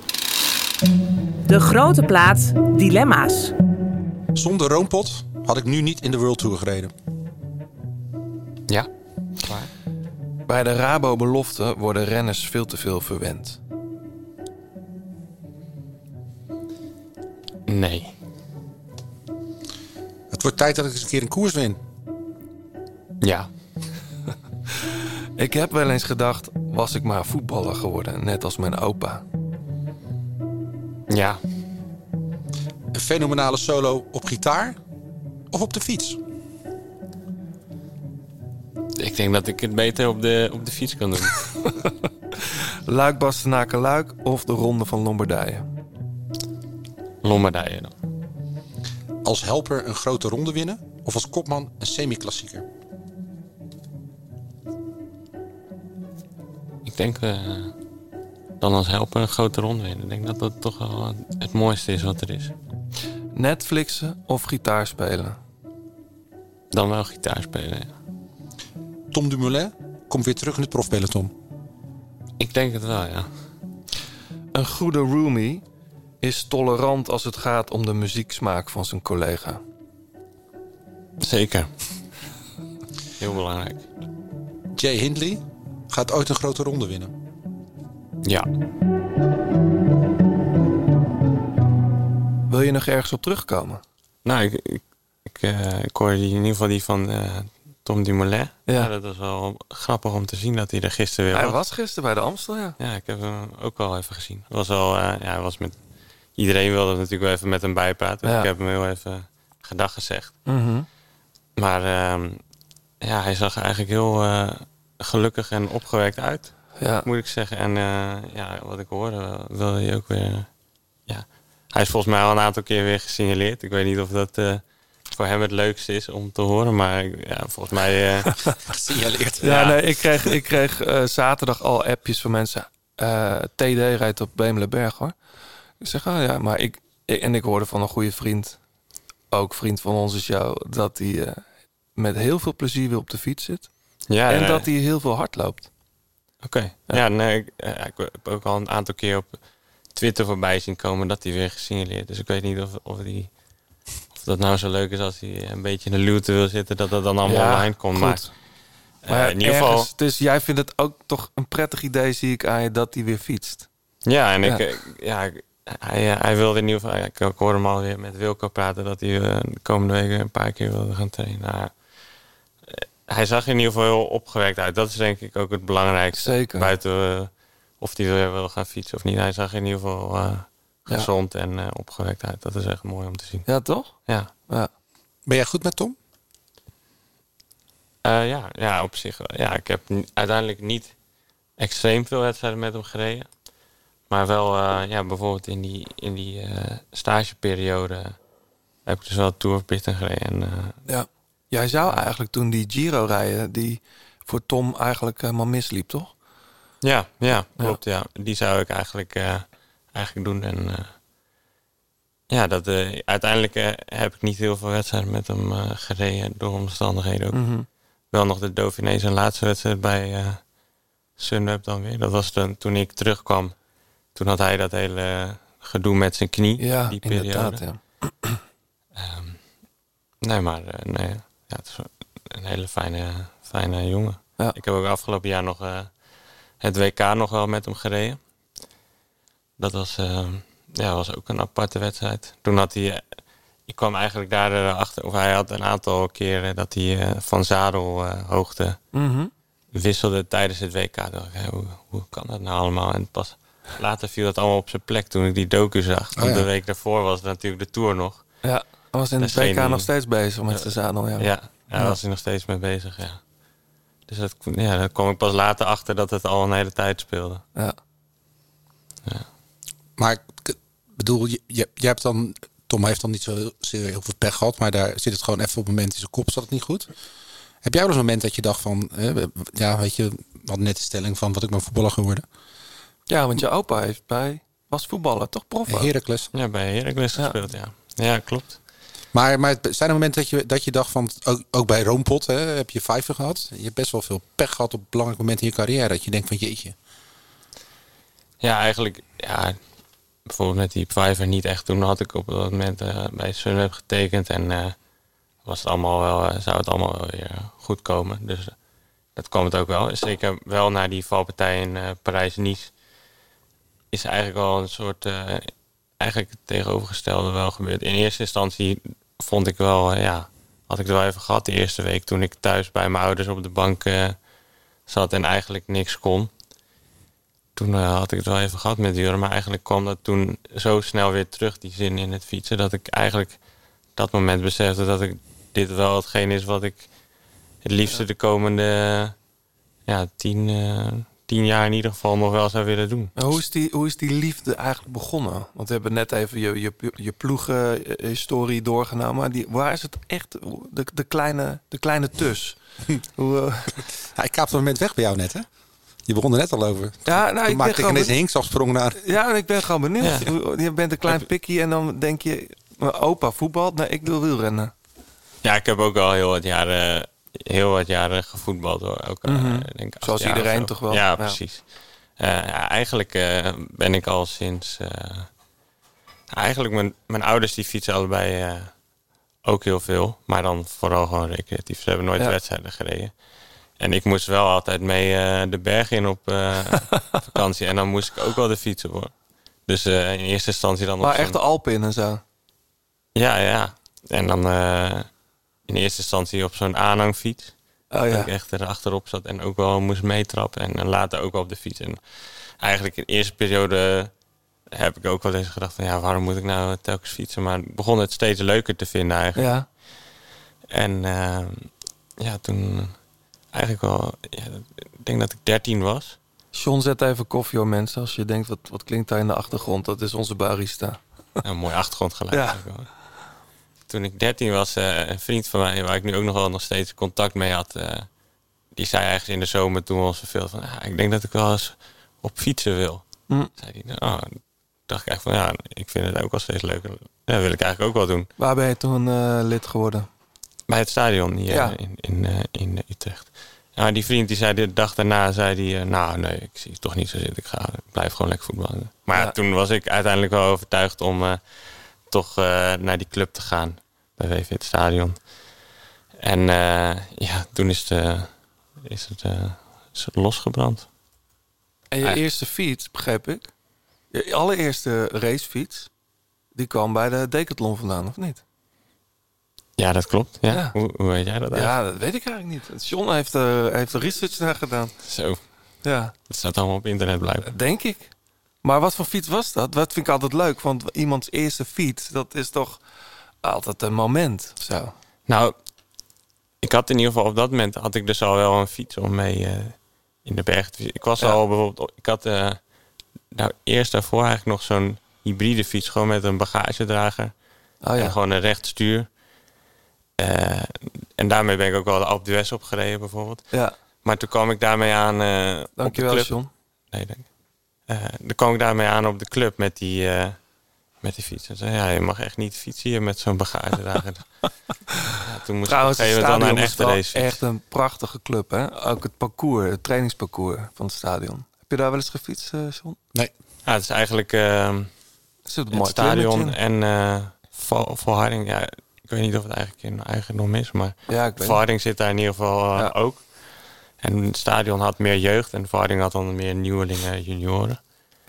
Ja. Eh, maar ja, nee, dat is een eh, schitterend parcours. Heel veel eh wedstrijdjes op dinsdag en donderdagavond eh, gereden destijds. Ja. Ja. Maar, dus na die bagagedragerfiets.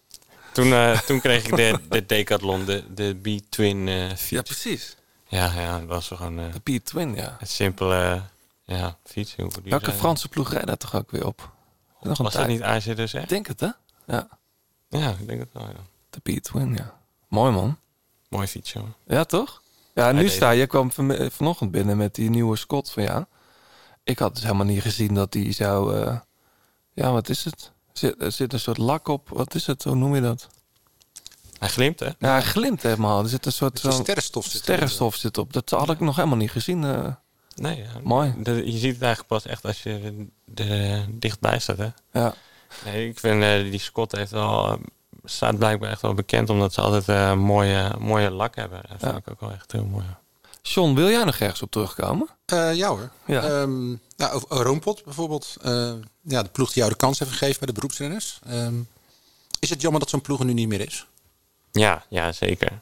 En de stelling was dan eh, of ik anders niet in de World Tour had gereden. Ik, eh, eigenlijk was het dus al, had ik al een jaar extra na de belofte bij Rabo gezeten. En dat was eigenlijk wel het laatste jaar dat ik het wilde proberen. En op dat moment eh, had ik natuurlijk de hoop dat ik eh, naar Team Sunweb kon. Uiteindelijk hadden ze dan op dat moment geen plek voor mij. En eigenlijk, eh, ik had me eigenlijk zelfs al opgegeven om een studie te starten. Die ben ik, ja, in ieder geval, ik was ingeschreven. Wat, wat zou je gaan doen? Op dat moment eh, fysiotherapie Mhm. had ik me voor ingeschreven. Maar ehm, ja, toen kon ik uiteindelijk toch nog bij Roompot terecht. Gelukkig ergens in september. En ja, dat heeft wel... eh, ja, anders was ik gewoon gaan studeren en had ik misschien op continentaal niveau wel gefietst, maar niet meer heel serieus. En dat is eh, zeker wel mijn redding geweest. En ook denk ik voor heel wat andere renners Ze hebben, ik denk, ze hebben uiteindelijk vijf jaar bestaan. Volgens mij in ieder geval in de eerste vier jaar hebben ze zes renners nog naar de World Tour gebracht, als ik het goed heb. Echt, eh Ja. Nou, Dylan Groenewegen is natuurlijk een van de grootste voorbeelden. ja, Taco van der Hoorn, toch? Ja, maar er, er stond geen ploeg te, te, te springen om Dylan Groenewegen in die, in die tijd. Ja, die kwam van eh, de Rijken, denk ik. Ja, Ja, ja. Dan was je, heb, heb- ja, ben jij nog ploegleider geweest? ja van Dylan? blauwe maandag nog. Ja. Maar het, hij was ook, zijn ontwikkeling ging ook niet hard genoeg. Weet je. je moet op een gegeven moment een stap maken. Mhm. En eh, bij Roompot kon hij dat gelukkig. En, eh, natuurlijk Nou, ook er zijn echt een hele hoop renners die gewoon net even die stap nodig hadden. Die tussenstap. Ook eh, Anton Tolk heeft Ja. dan nog... eh, Riesebeek. Dat is ook zo. Riesebeek, ja. Ja. die reed ook eh, sterk gisteren. Zo. Nou ja, er zijn een hele hoop jongens. Ja, dat, dat is nu natuurlijk ontzettend jammer dat er geen eh pro-conti ploeg is. Er zijn een hele hoop jongens die net even dat tussenstapje nodig hebben. Die niet gelijk die stap kunnen maken. En ja, ik, ik ben daar ook wel een van die daardoor eh, Ja. uiteindelijk toch bij de post terecht kwa- kwam. Is er, is er eigenlijk een kans, John? Jij, jij kent, jij kent de, eh, het circus eh, rond Roompot goed. is er eigenlijk een kans dat die ploeg nog... eh, dat er een soort vo- voortzetting komt van een ploeg? Nou ja, ik weet niet of ik het mag zeggen, maar Michael Zeilaert, die toen de ploeg stopte, zei hij van nou, een jaartje, twee jaartjes, dan zijn we er gewoon weer. Hm. Maar eh, ja, Ja. Michael Zeilaert was natuurlijk wel de grote kracht achter het team. En, Ja. eh, corona helpt ook niet echt mee, denk ik. Nee, maar ik denk dat hij heeft nu zoveel. de- Er viel gewoon echt een pak van zijn, van zijn schouders af. eh, Een pak van zijn hart. toen die ploeg stopte. Dat hij gewoon weer een beetje lucht kreeg. En natuurlijk die fusie met dat Charles is natuurlijk was één grote ellende. Oh ja. Gezeur met Wout van Aert. Die per se weg wilde toen op dat moment. Dus voorlopig denk ik niet. Maar ja, er zou toch wel in de markt überhaupt wel plek moeten zijn. Zou voor een pro-continentale ploeg. Of een ploeg die doorgroeit. Hè. Ik zie Ablok nu bijvoorbeeld rijden in eh, Turkije. Ja. Knap dat ze daar het strek eh, komen Ja. ploeg als Metec, die toch al jaren gewoon op een hoog niveau eh, goede renners aflevert. Ja. Ja, het is zou- ook. Het, het, Roompot stond niet per se bekend om de allerbeste begeleiding. of dat het net zo goed geregeld was als in de World Tour. Maar we reden wel echt waanzinnig mooie wedstrijden. Ik heb dat jaar nog eh, bijvoorbeeld de Catalonië en de Ronde van Zwitserland in de World Tour gereden. Daar, daardoor kon ik wel eh, echt stappen zetten. Mhm. En eh, ja, ik reed ook gewoon met, eh, met bijvoorbeeld Pieter Wening rond. Ja, daar kan je ook gewoon ontzettend veel van leren. Eigenlijk heb ik nu ook wel eh, soms het idee... Er, er zitten jongens bij ons die eh, 18, 19 zijn... en gelijk de, de beste begeleiding hebben. En soms denk ik ook wel eens van... Ja, eigenlijk zou het voor sommige jongens wel goed zijn... om een jaartje roopot te hebben. Dan weet je... Ja, maar daarom zat die stelling, Ja. die had jij bedacht, eh, ook over Rabobank Development Team eh, erin. Dat hoorde je wel eens over die ploeg. Het is daar zo goed geregeld. Bijna net zo goed als in, de- in de World Tour ploeg zelf. Dat je misschien als jonge renner denkt, nou... Ja, wat jij nu eigenlijk zelf bevestigt. Misschien Ja, moet iedereen wel eens een keer in een soort roompotachtige ploeg zitten. Nou, het is soms misschien wel een stapje terug. Ik denk zeker in de tijd dat eh, de tijd van Thomas Dekker bijvoorbeeld, als je dan vanuit de Rabo opleidingsploeg met Nico Verhoeven achter het stuur naar bijvoorbeeld de vakantie ging, ja, dat eigenlijk bijna een stapje terug was qua beleving, hè, met eh, hoe alles verzorgd was. Dus ik weet niet of jij dat ook zo ervaren hebt. Ja, ja. Ja, het was wel zo bijvoorbeeld bij Roompot moest je in ieder geval wel heel veel dingen zelf regelen. En als je dat deed, dan was het gewoon perfect, want je had een heel mooi programma om te rijden. Mhm. Bijvoorbeeld, ik heb wel destijds eh, zelf eh, een trainer moeten regelen en eh, daarvoor moeten betalen. Het zijn allemaal investeringen die je, die je zelf moet doen, die je bij Rabobank niet nodig had. Ik Mhm. had bijvoorbeeld destijds Peter Schep als trainer, dus die... Nou, daar had je een goeie aan. daar had ik een goede aan, zeker. Dus ehm, ja, dat heeft ook zeker wel geholpen. Heb, Maar jij de, heb, jij de, heb jij onze workout al gedaan op de tax eigenlijk? Dat niet. Ik heb wel de podcast gehoord, maar de Ja. workout eh, nog niet gedaan, nee. Nee. Hey, even iets anders. ehm, ehm, voordat we doorpraten. Onze zeer gewaardeerde sponsor Garmin. Je had het er net over. Eh, die hebben natuurlijk sinds kort dat nieuwe, eh, nieuwe wattage power meter systeem. Rally heet dat. Niet te verwarren met de ploeg die ook Rally heet. Eh, niet de oude ploeg, maar die nieuwe waar Arvid de Klein rijdt. Ja. Dit is allemaal heel ingewikkeld. Maar die, dat heet Rally. Ehm, sinds vorige, twee, vorige maand of zo eh, hebben ze die nieuwe powermeter lijn geïntroduceerd. Ehm, jij vroeg me dat dan net, John. Van, ehm, eh, zou je daarmee willen rijden? Jij rijdt wel met een powermeter, maar jij ook denk ik eh, tus. Mag ik tus zeggen? Iedereen noemt jou tus. Ik heb er gisteren wat jongens. Ja, tus dit, tus dat. dus het ik zit was helemaal in mijn eh, hoofd. Verbaasd dat, eh, dat jij die bij- bijnaam ook al... eh, Ja, maar dat komt omdat Sam Omer... mij, ja, als ik aan tus denk, dan eh, is Ja, dit en dat. Ja. Ja, die, die bijnaam heb ik wel echt sinds eh Rabo-tijd. Ik denk Ja. een beetje vanaf Arthur van Dongen dat hij er een beetje eh, meegekomen is. Grappig. Bij de jonge renner al. Daarvoor heb ik bij de jonge renner gezeten. Ja. Hey, maar rij jij, En- rijdt met de powermeter ook op je trainingsfiets? Of is dit, Ja. is dit je trainingsfiets die hier staat? Ja, ja, ja. Ik heb, eh, ik heb daar een powermeter op zitten. Ja. Eh, dat is wel... Is dat aan te raden voor mij als, als dikke toerist? Wielentoerist? Is het leuk of is het voor jou echt een noodzaak? Nee, ik vind het ook wel eh, echt leuk. En ik denk, dat je kan er veel meer uithalen dan als je bijvoorbeeld een hartslagband gebruikt. Dat, dat kan zo verschillen. Mhm. En het is, ja, ik vind het dan wel grappig dat ik vorig jaar in die coronatijd bijvoorbeeld heb ik wel regelmatig met mijn vader gefietst. Mhm. En eh, ja, ik rijd dan, ik heb wel echt een beetje anders eh, leren fietsen of ja, ben ik gaan fietsen. Omdat je echt meer naar die wattages kijkt dan bijvoorbeeld naar je snelheid. Maar als ik dan naast mijn vader reed en we gingen een brug op, dan sprint hij zo bij me weg. Omdat hij helemaal niet naar wattage kijkt, maar gewoon even dat bergje op sprinten. Ja. En ik rij heel eh, veel meer steady natuurlijk op wattage. Dus eh, daar merk je wel aan, ook bijvoorbeeld met wind tegen, dat, dat als ik dan met jongens fiets die geen wattage mee hebben, dat die een stuk harder gaan trappen ineens. Dat je denkt, huh, waarom gaan we nou ineens eh, versnellen? En dan met wind mee blijf jij gewoon hetzelfde wattage trappen. En dan zitten die gasten van, ja, waarom rij je nou opeens 40 per uur met wind mee? Dus dat is, dus het fietst wel Omdat jij anders. con- om een constante wattage trapt. Ja, Ah, ja. ja. En heel Ja. veel jongens eh, die dat niet hebben, die komen op een stuk wind tegen en die willen toch ongeveer de snel, dezelfde snelheid houden. En, Ik eh, heb dat ook hoor. Ja. Ik heb dat ook. Maar ik, weet, ik heb ook wel eens eh, niet heel veel, maar John en ik fietsen ook nog wel eens samen. Maar het valt me ook altijd op John als ex-prof ook als heel steady, maar altijd gewoon hetzelfde tempo kan rijden. Als je John op een fiets zet, dan kan hij 400 kilometer rijdt hij gewoon exact gewoon Ja, wind heb, tegen ik wind heb de ploegentijd het gedaan. Dan wordt dat er wel ingebeukt Ja, hè? gebeukt hoor. Ja. Die 100 kilometer ploegentijd. Maar ik herken het wel, wat jij zegt Martijn, dat als ik wind tegen heb, dan ga ik als een malle tekeer. Ik- dat, dat is een beetje het oude wielrennen, denk ik. Dat, dat heb ik nog steeds wel. Als je, als je wind tegen rijdt, dan is de wind mede naar de beloning.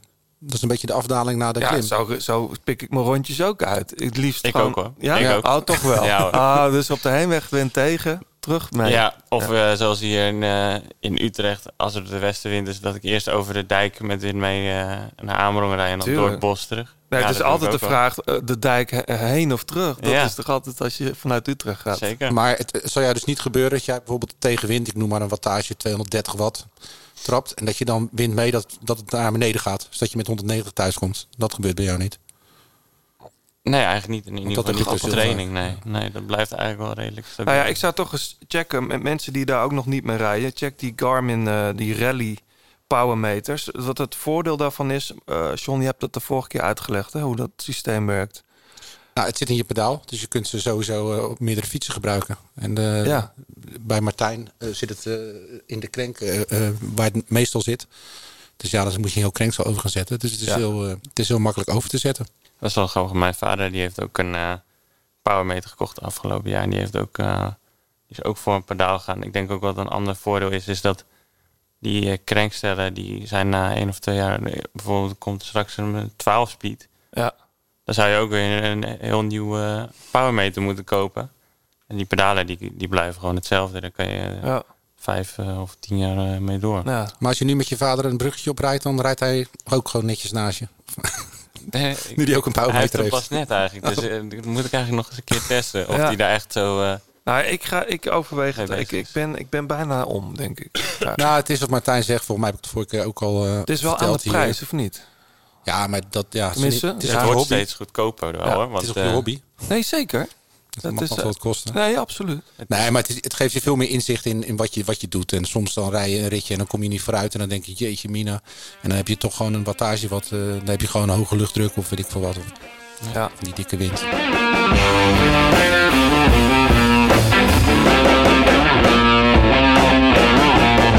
De grote plaat kopgroep.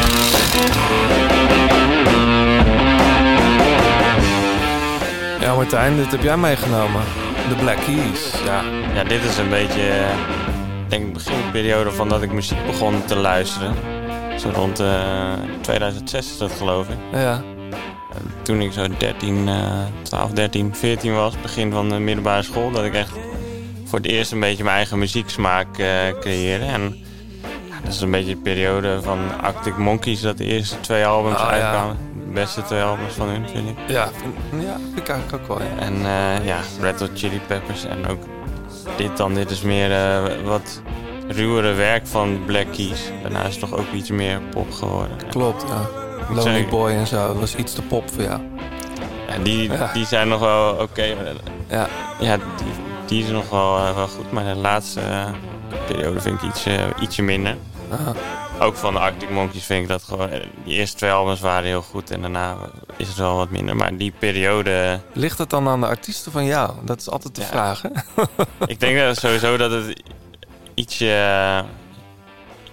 ietsje puur is en dat het daarna ietsje meer pop is geworden Ja, dat- bij, al, bij al die eh, Klopt wel, ja. Iets, iets meer gepolijst en afgeproduceerd, ja. En ik moet zeggen, eh, hier luister ik nog steeds wel veel naar gewoon wat, wat puurdere rock. Daar luister ik de laatste tijd nog steeds. eh, Ja, en je naar. speelt gitaar. Maar speel, Een je, beetje, speel maar- je dit ook mee? Of Nee, deze heb ik nooit geprobeerd eigenlijk. Ik moet ook zeggen, of, of akoestisch? ik heb, eh, ik heb allebei, heb ik. Ja. Eh, voornamelijk wel een beetje akoestisch gespeeld. Nog niet zo lang. En eh, ik moet ook zeggen, vergeleken met Joris eh, valt het allemaal wel erg tegen. Als ik eh, hoor wat hij allemaal speelt. Dus eh, Ja. nou ja dat, ja, dat vind ik wel eh, leuk om te doen. Ik luister gewoon ook het liefste naar eh, gitaarmuziek. Dus, ja. ja. Jullie hebben wel een beetje dezelfde smaak, Joris Nieuwhuis en jij, of niet? Ja, zeker. Ja. Ja. Dan komen we misschien gelijk bij het volgende liedje uit. Zeker. Eh, want dat zijn deze jongens.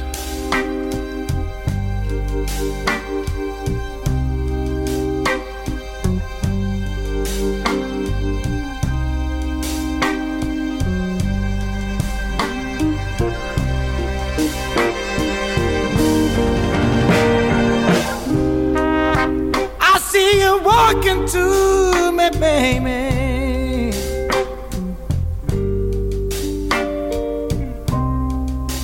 With your arms out in a flame.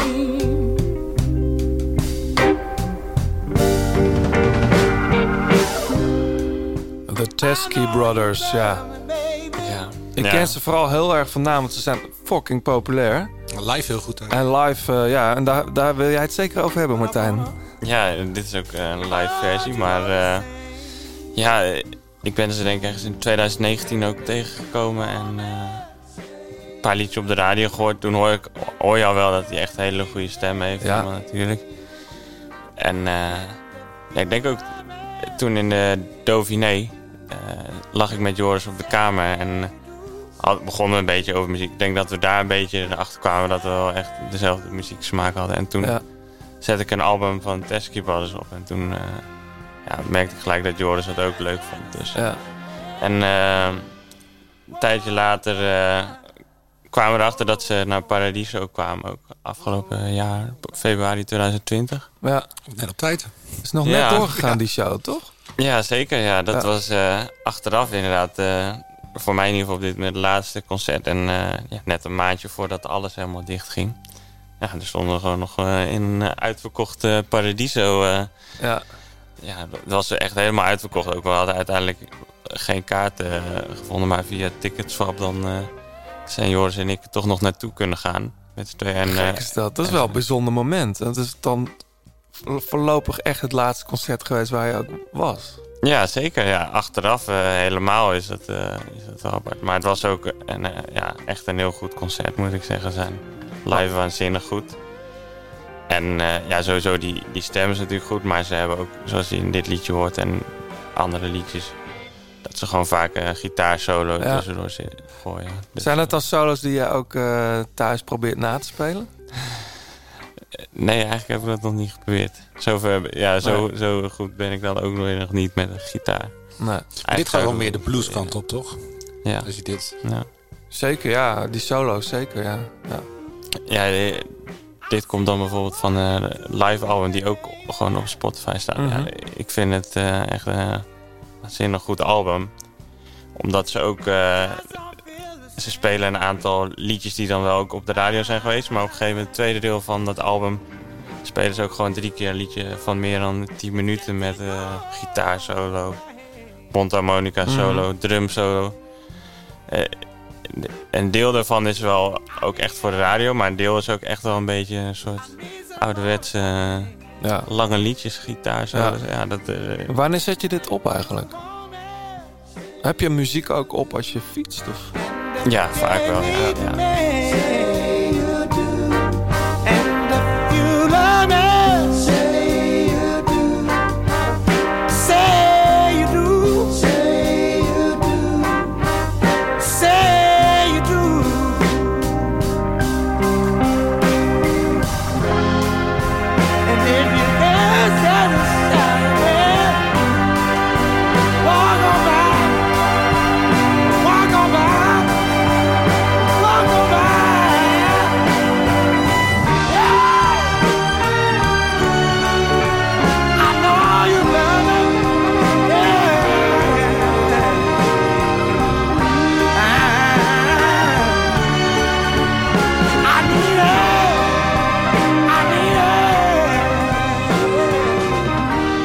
Je luistert nog steeds naar De Grote Plaats.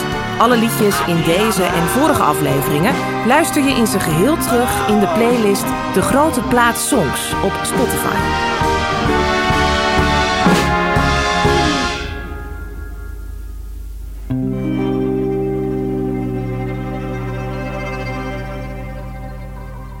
Martijn, dat weet je misschien. eh, ehm, wij hebben eh, een hele mooie eh bike dog. die mogen wij weggeven van het merk Artivelo. Hij hangt hier niet, maar wel bij ons thuis, John. Bij jou. Zeker. En, en bij mij in mijn kantoor. Artivelo bike dogs. Ik weet niet hoeveel fietsen je thuis hebt staan. Valt eigenlijk nog mee. Ja? Ik heb een klein, klein bergingje. Ja. Daar heb ik vier fietsen staan. Ja. Nou, dan zou je er in principe één eh, ook binnen kunnen hangen ergens in een andere ruimte met die bike toch? We mogen die jou één aanbieden. Eh, die hebt, welke zou je dan aanbevelen, John? Jij hebt de, de Loft versie. Ja, en ik heb hebt de Urban. Die is iets kleiner. Oh, die ja, heb jij? Ja, ik heb de Urban. Oké. Die is iets compacter, maar je kan je fiets heel mooi aan ophangen. Het ziet er vet uit. Eh, Ja. Je helm kan erop, je Garmin, eh, alles kun je er nog verder op kwijt. En, eh, het staat heel mooi, maar het, en, en het, weet je wat ik nu merk? Ik heb dus eh, de- die fiets, één van mijn fietsen, dus aan die Artivelo hangen. Dat moet schoon zijn zeker. Dan moet die schoon zijn. Ja, dus het is dus ook extra druk om hem even eh, ja, netjes te houden. ja, dat is wel eh, een dingetje natuurlijk. Hè. Ja, zeker. Ja, wel mooi. eh, ja. Dan moet je hem wel echt op een mooie plek hangen. Ja. Nou ja, je mag er een uitzoeken. Ehm, als mensen als luisteraars willen checken hoe die dingen eruit zien en eh, wat ze kosten, hoe, eh, ja, dan moet je even naar John, hoe heet die site? Artivelo.com. Nederlands, maar dat selecteer ik voor mijzelf al. Ja, precies. De grote plaat, laatste kilometer. hey Martijn, we zijn in de laatste kilometer. Wat we dan altijd doen is, eh, we blikken vooruit. Net al even over Waalse Pijl en eh, Luik gehad. Ehm, we gaan een hoop koersen krijgen natuurlijk. Romandie komt eraan, Asturië. Tour of the Alps begint. Vandaag? Eh, ja, klopt. Ehm, hoe, hoe goed ging jij trouwens in Scorito, eh John? Net zo goed als jij. Echt, hè? Ja, wij, wij zitten top drie. Pitcock had ik op één eh, gezet. Ja, ik ook. Wout van Nee, Aert- ik had andersom. Ik had Pitcock op één, Wout op twee. En dan Alaphilippe op drie. Ja. Wat is er met Alaphilippe aan de hand? Eh, jij hebt naast hem gereden gisteren. Martijn, dat is, het is niet helemaal eh, de Alaphilippe van... eh, Ja, in de finale heb ik niet meer naast hem gereden. Nee. nee. Nee, ja, hij was eh, Hij zit steeds maar aan zijn rug. in Vlaanderen ook niet. eh, Hij zit steeds zijn rug te stretchen. Nou doen wel meer renners dat natuurlijk. Ja. Zeker na een paar uur op de fiets. Maar Nee, ja, eh, misschien... eh, hij, hij heeft wel redelijk wat klassiekers al gedaan, eh, geloof ik. Hè? Misschien dat hij toch Zeker. een beetje... eh, dat het wat minder wordt ondertussen. Terwijl Ja, hij goed, eigenlijk hij dit zijn begon, periode eh, is natuurlijk. hij begon heel goed natuurlijk. In die, eh, die koers waar zijn vriendin eh, ook eh, koersdirecteur is. De Serge. Ah, ja. Ja, waar die Ballerini nog hielp. eh, dat was echt fantastisch. En ook die rit, eh, hoe heet die, hoe heet die, die vrij nieuwe koers? Waar ze er van toe doen tot... eh het vaar. Nee, tot de Provence was het. Ja, Provence, ja. Ja. daar was die ook heel goed. Maar ehm, Ja, maar hij heeft natuurlijk vorig jaar super na het seizoen gereden. En eh, vrij snel weer na dit seizoen kan hij altijd eh, top zijn. Hè? Bedoel, het is niet Nee. dat hij er niet zit. Hij is er wel. nee. Hij won nog een rit in eh Tirreno dan, Ja. waar ik was. Ja, dat was Ja. En in zijn hoofd won die eh, Luik vorig jaar natuurlijk. ja. Eh, nee, maar dat, dat, dat hij niet mee kan met Askreen en eh, Van der Poel en Van Aert, dat was natuurlijk wel... eh, eh, ja, dat was natuurlijk wel tekenend mhm, in Vlaanderen. Normaal zit hij dan gewoon ook erbij. Ja, Dus, ehm, maar ja, ja. Maar goed, het is inderdaad wat jij zegt Martijn. Hij heeft al heel veel gereden. Voor Wout van Aert is het ook, was Amstel ook voorlopig zijn laatste rit. Hè? Ja. Zijn laatste, dus die, ik had, ja, ik had eigenlijk wel gehoopt dat hij misschien eh, ook Luik nog zou rijden. Dat kan hij natuurlijk wel aan. Het is niet, eh, toch? Nee, maar het is wel een keer, keertje klaar. Hè. Ik bedoel, eh, in België is het natuurlijk anders wat voor mij Peter Schep vorige keer ook zei. Dat als je daar woont, dan staat heel de natie, dat, de, die, die leunt bijna op je. Ja. En ik vind het super knap dat hij als, als zo groot favoriet gewoon toch elke keer er, er zit. Hè. Het is, hij wordt er wel geklopt in de Brabantse pijl. Hij wint In, eh, Gent-Wevelgem In ook. Vlaanderen, maar hij Ja. wint Wevelgem, hij wint de Amsterdam Gold Race. Ja. Weet je, de, heel, de, de druk van heel België ligt op zijn schouders. Ik denk dat het ook wel lekker is dat hij niet eventjes eh, het niet hoeft te doen. Ja, je hebt ook veel eh, van de mannen die dan de Vlaamse klassiekers hebben gehad. Die stopten meestal toch gewoon bij Roubaix. En eh, Mhm. het leek wel dit jaar alsof iedereen eigenlijk eh, Amsterdam Gold Race nog even mee heeft gepakt. Dus ja, dan is het op een gegeven moment natuurlijk ook wel... eh, Ja. Omdat. Roubaix uitviel, bedoel je? Omdat ja, ik weet niet of... Het zou ja, kunnen, ja. In ieder geval waren er behoorlijk wat mannen, ook stuiven en dat soort mannen reden ook allemaal in Amsterdam Gold Race nog. Ja. Dat is dan toch wel het einde voor, Ja, precies. van het voorjaar. Ja. Ja. En zo gast van Avermaat rijdt eigenlijk ook overal wel goed, maar komt ook nergens er echt aan te Nee. pas. Dat had, ik, dat had ik persoonlijk ook niet verwacht of zo. Dat was, was verrassend geweest als die. eh, maar hij heeft geen enkele finale echt eh, geïmponeerd of zo. Hij zat er in Gent-Wevelgem toch bij? Nee, E3. Dat uh, Askren ook wint, zit hij met eh Naas in de kopgroep. Maar ja, maar goed. Derde in Vlaanderen, toch? Ja, dat wel. Dat is dan toch wel... Ja, het is wel mooi. Alleen het is niet dat je... Ja, je hoopt een keer dat hij... Ja. Maar goed. Ja, heeft dat met leeftijd te maken? Ik weet het niet. Valverde was gisteren ook weer... eh, die sprint ook lekker mee nog. Ja, Ja. mooi hè? Hey, Luik, eh, over Luik gesproken en parcourskennis, eh, Martijn. Eh, heb jij, ehm, jij... Jij zei net bij de dilemma's, als je moest kiezen tussen Lombardije of Luik, Lombardije. Dat vind je een mooiere rit? Mooiere... Ik vind Luik ook echt een hele mooie Ja, wedstrijd, moet ik Dat is zeggen. ook een moeilijke keuze hoor. Ja, Ja. maar ja, ik ben toch ook wel echt een beetje verliefd geworden op de, alle Italiaanse koersen. Sowieso ook op de Giro, maar Mhm. Eh, Lombardije ja, heb ik ook al eens bij belofte zit je bij goed aan tafel hoor. Ja, precies, Ja. dat dacht ik wel. dus eh, nee, dat, eh, ja, dat gebied vind ik schitterend. Ik heb ook al een keer bij de belofte eh, ben ik derde geworden. Ja, ik vind dat wel een hele mooie koers. Ja. Ja. Ja, Luik ben je derde geworden. Nee, Luik ben ik vierde, geworden. Ja, En, bij eh, onder 23, ja? Lombardije werd ik derde. Ja, nou dat zegt wel iets over het type rennen dat je bent dan. Ja, in die periode was ik eigenlijk eh, niet echt. eh, was ik nog niet echt achter dat ik ook wel redelijk goed op de lange klimmen was. Maar Mhm. voornamelijk op de kortere klimmen. Ja. Dus ja, dat, eh, ja ik hou wel echt van, van de klassiekers. Ja. Alleen eigenlijk Luik heb ik ook bij de, bij de profs nog nooit gereden. Eigenlijk was ik, ja, onder andere dus door die blessure met mijn kaak, dat was in maart. Dan heb ik weer die klassiekers gemist. En afgelopen jaar natuurlijk ook, eh, omdat ik dan de Giro reed natuurlijk. Mhm. Dus ik heb eigenlijk, eh, Luik heb ik nog nooit gereden bij de Maar met wat voor ambitie ga je dan daar naartoe? Ehm, nou ja, we- ja, op dit moment eh, gaan we daar weer heen met eh Ties. En eh, op dit moment, dit voorjaar heb ik eh, behoorlijk va- vaak de taak om eh, met zo iemand dan rond te rijden. Bijvoorbeeld in, eh in Direno heb ik ook veel met eh Romain Bardet rondgereden en hem proberen goed af te zetten aan de laatste klim.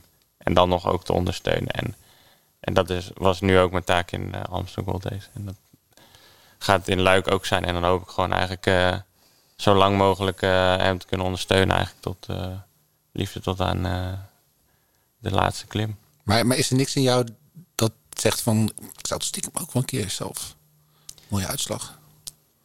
Ja, uiteindelijk wel ja. Maar dit, dit zijn dan wel weer even de koersen waar, eh, waar dan... eh, ja, op dit moment eh, dat ik, ga ik daar geen top 10 rijden. Dus dan is het... gaan we natuurlijk gewoon voor degene die daar, daar wel kans op heeft. Mhm. Ik denk wel dat die daar kans op heeft. Ja. Vorig jaar was een bizar, hè? Was natuurlijk sowieso een heel raar jaar voor iedereen, maar Luik was natuurlijk heel laat. Ja, het was een prachtige, prachtige finale. Een toeretappe eigenlijk. Ja, renners. zo voelde het heel erg. Eh Alle Philippe die uit, uiteindelijk daar moet winnen en zijn armen te vroeg eh, omhoog gooit. Goede Dumoulin ook trouwens. Heel goede Dumoulin. Van de Poel. Die Ja. de dag daarna toch helemaal bij elkaar getrokken in de Eneco Klopt, er wordt daar nog tiende of zoiets, Ja. geloof ik. Eh, en uiteindelijk eh wint Roglic. Ja. ja. Maar een gekke finale was dat, ja. Ehm, van al die jongens die daar toen in de finale zitten... volgens mij rijdt bijna iedereen... Ja, van de Poel is er niet bij, Van Aert is er niet bij... Dumoulin uiteraard niet. Maar wie zouden jullie opschrijven voor, eh, voor, voor Luik? Goh. Moeilijk, hè? Nou, ik denk als ik Roglic zo bezig zie, dan... eh, Ja, is er Chris, rijdt hij eh, rijdt hij daar ook? Volgens mij wel, ja. ja. Is wel in hoor. Ja, Roglic rijdt. ehm, ik zit even te kijken of Pogacar ook start. Dat is, eh, staat er wel op. En die hebben ook een sterk team. Want en Hirschi, die nog niet volgens mij helemaal top is.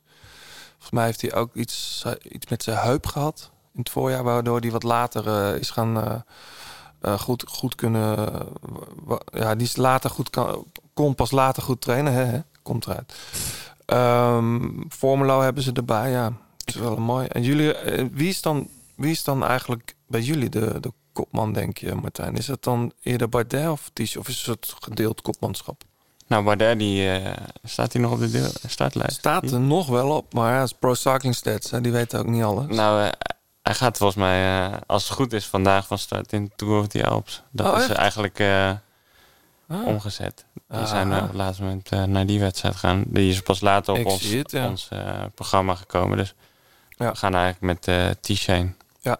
Maar als je, ik, ik denk eigenlijk dat eh Schachman, die was in Baskeland denk ik wel heel goed. En die was het natuurlijk gisteren ook heel goed. Nou ja. Dat die ook wel Ja. kan opschrijven voor leuk. Ja.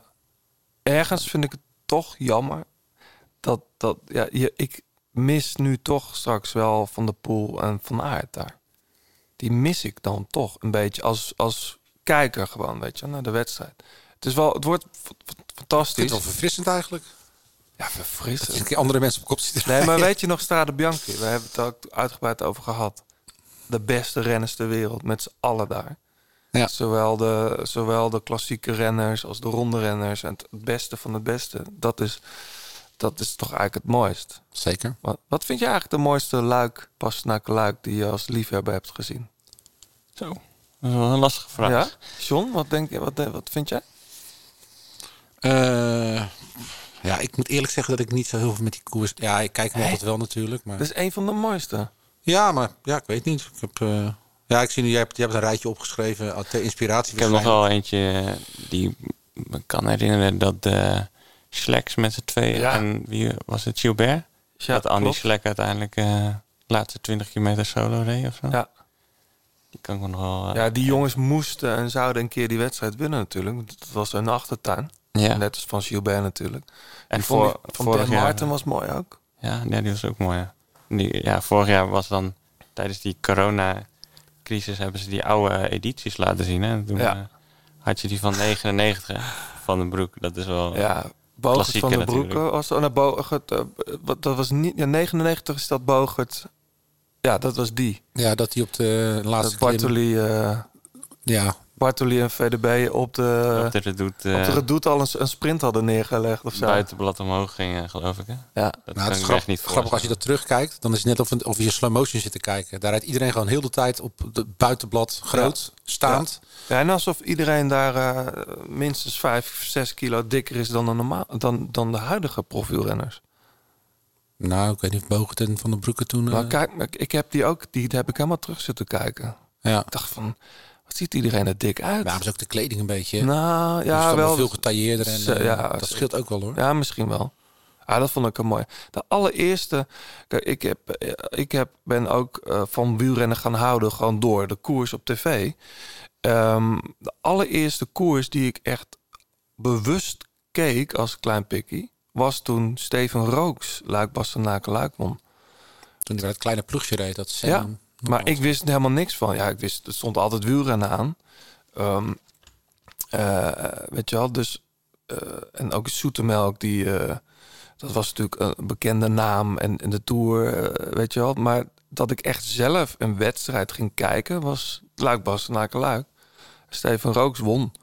En volgens mij wisten zelfs de commentatoren nauwelijks nog wie Rooks was. Nou, echt, dat was echt. Hij kwam net kijken. Ja, eerst tweedejaars prof volgens mij. Ja, Bij die, die Gribaldi, weet je die ook alweer, die eh, ploegleider. Dat is een heel klein ploegje, ja. Maar dat Ja. vond ik een hele mooie. En niet te vergeten, handschoentjes uit in de laatste kilometer. Wout Poels. Fucking koud. Ja. Hij doet nog rustig zijn handschoenen uit. Nou, niet in de laatste kilometer, iets daarvoor. Eh, ja, dat was wel mooi.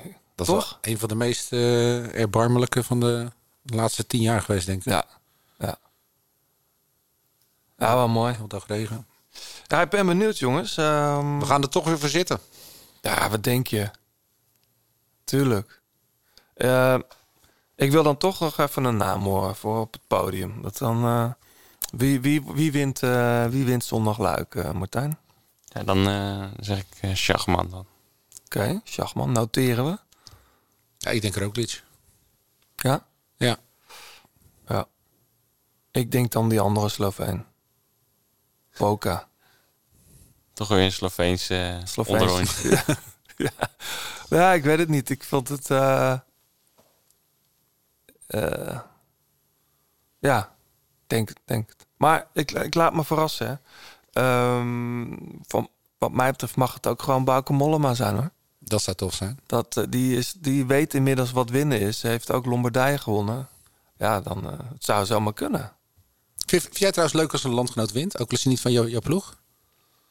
Oh ja, zeker. Ja, tuurlijk. Ja, dat zijn toch de meeste jongens die eh, spreek je dan natuurlijk ook nog wel eens. Dus eh, ja, als het geen ploegmaat van mij is, dan mag voor mij eh, een landgenoot winnen. Ja. ja Wout Poels rijdt in ieder geval eh, ook. Maar die is volgens mij, ja, die kwam net van de hoogte. Dus eh, ik weet eigenlijk, ik heb hem in de Amsterdam nauwelijks eh, voorbij zien komen. Ja. Jij wel? Nee. Nee. Ehm, nou, Mark Hirschi rijdt ook. Ik weet niet wat die, eh, wat, ja, weet je wie, ja, weet je wat ook wel vet zou zijn? Gewoon Ma Mauri van Zevenand. Of is dat toch net een, een vis te groot nog? Ja, denk Dit ik is wel. toch een van de monumenten. Ja, maar zeker in de ploeg waar je in zit, eh, zal die niet zo snel... eh, Nou was hij niet Kopman, gisteren. Ik zag hem wel een stuk terug dat hij... Uiteindelijk zat hij wel weer bij alle verliep. Ja, man. Ja, ik. Ja, jazeker. Hij Ja, zat uiteindelijk heeft hij, hij nog die, die gereden. die- ja, hij was, hij de enige die eigenlijk reed achter die... die En, eh, en vervolgens kan alle verliep niet eh, het, het waarmaken. Wat mij betreft, ja, is dat dan? Zou je dan vanuit de ploegleiderswagen moeten zeggen, joh, gast, rij voor jezelf nu. Alle verliep heeft. ja, maar vaak niet. heb je dan al een jasje uitgedaan, hè? Ik bedoel, dan ben je al heel de dag aan het werken voor iemand. Dus dan... eh, Ja, maar goed. Dan heeft eerder in de meer. koers was toch al wel te zien dat, dat Mauri eigenlijk beter was dan, eh, dan Flipke. ja, maar zo'n koers kan ook kantelen. Je kunt op het einde gewoon dat je je benen weer vindt. Ja, Dus je dat is moet, waar. ja, het slechtste wat je kan doen is de hele tijd van, eh, van plan eh, wijzigen. Ja. Nou ja, je kan hem wel... eh, uiteindelijk is het Luik natuurlijk best een eerlijke koers. En eh, als je hem in ieder geval kan sparen, dan, eh, dan Ja. komt vanzelf eh, wel boven hoe ver hij kan komen. Ja. Misschien is hij wel beter dan alle verliep op dit moment. Dan nog één keer de Dark Horse, want daar sluiten we mee af. Ja, John. Dark Horse voor Luik. Poeh. Ja, misschien Benoot wel. Ties. Ja. Ja. Dark Horse, Martijn. Dat dacht ik eigenlijk ook. Ja? Ja. Dan zeg Ik ik denk- eh Cosnefroid. Die heb je ook in je ploegje zitten. Oh, dat is toevallig. Ja. Hey, eh, Martijn, ontzettend bedankt dat je hier was. Eh, jij fietst dan met de omweg zo naar huis of eh, rechtstreeks eh, je bed in? Nee, ik heb nu alweer genoeg gereden. Ik, Ja. ik fiets met drie kilometer weer naar huis. Ja, morgen naar Maastricht. Ga je dan daar ook nog eerst even een rondje maken met de ploeg? Ja, ja in ieder geval in de middag even een kort, kort rondje rijden. Doe je dan de muur ook al? De muur van Hoei? Nee, nee, nee. We zijn, zitten, in, zitten de hele week eigenlijk in eh Maastricht in hetzelfde hotel. En dan, eh, Ja, precies. dat is wel het makkelijkste. En dan rijd ik gewoon daar. Ja, misschien nog even een keer een rondje, rondje Amsterdam Gold rijden. Ja, bij Melenberg. Ja. Ik Ja. zag dat Ieder Schelling op zaterdag gewoon nog 110 kilometer had gefietst. Op zijn fix of wat? Nee, in, eh, in Limburg. Oh, nee, dat klopt. De dag voor de Gold Race. Vond ik toch wel opmerkelijk. Nou, de hele ploeg. Ik heb, eh, ik heb een, nog heel even geprobeerd in het wiel te zitten. Eh, s ochtends was Ineos was gewoon het oude parcours van de Amsterdam rijden. Want die, die reden s ochtends al eh, de Loorberg op. Maar de, de Bora-ploeg was heel lang op het parcours gewoon ook. Je gaat toch een 100 kilometer voor een dag van een klassieker rijden? Of ben ik nou gek? ja, maar gewoon met de auto, de, de achter. Ja, nou, dat is toch een inspanning die... waarom zou je dat doen? De dag erna moet je presteren. Nou, maar ze deden het prima, toch? ja. Misschien als het dan nog beter gedaan. Ja, het wel net gered. Ja, man. is goed, jongen. Hey, eh, we willen nog wat mensen bedanken, John. Eh, Fleur Wallenburg voor het uitlenen van haar prachtige stem. Eh, onze fietskleding supplier 36. 36. Cycling. Ehm, natuurlijk Pankra voor het logo. En onze zeer gewaardeerde sponsors Garmin en Tax. Eh, jullie bedankt natuurlijk voor het luisteren. Eh, laat even een reactie achter op eh, Apple po- Podcast. Hè? Ja. Dan kun je ook nog ons een ster geven of meerdere. Ja. Dan weten mensen of eh, weten andere mensen ook eh, ons beter te vinden. Ja. Eh, trouwens, we worden goed gevonden hoor. Dat klagen we helemaal niks over. Jullie luisteren nog steeds massaal. Daar zijn we heel erg blij om. Ja, en als jullie tips hebben, Twitter, de grote plaat. Voor eventueel gasten uit te nodigen. Muziektips. Muziektips. Kom maar door. Ja, tuurlijk. Ja, zeker. Commodore. Commodore 64.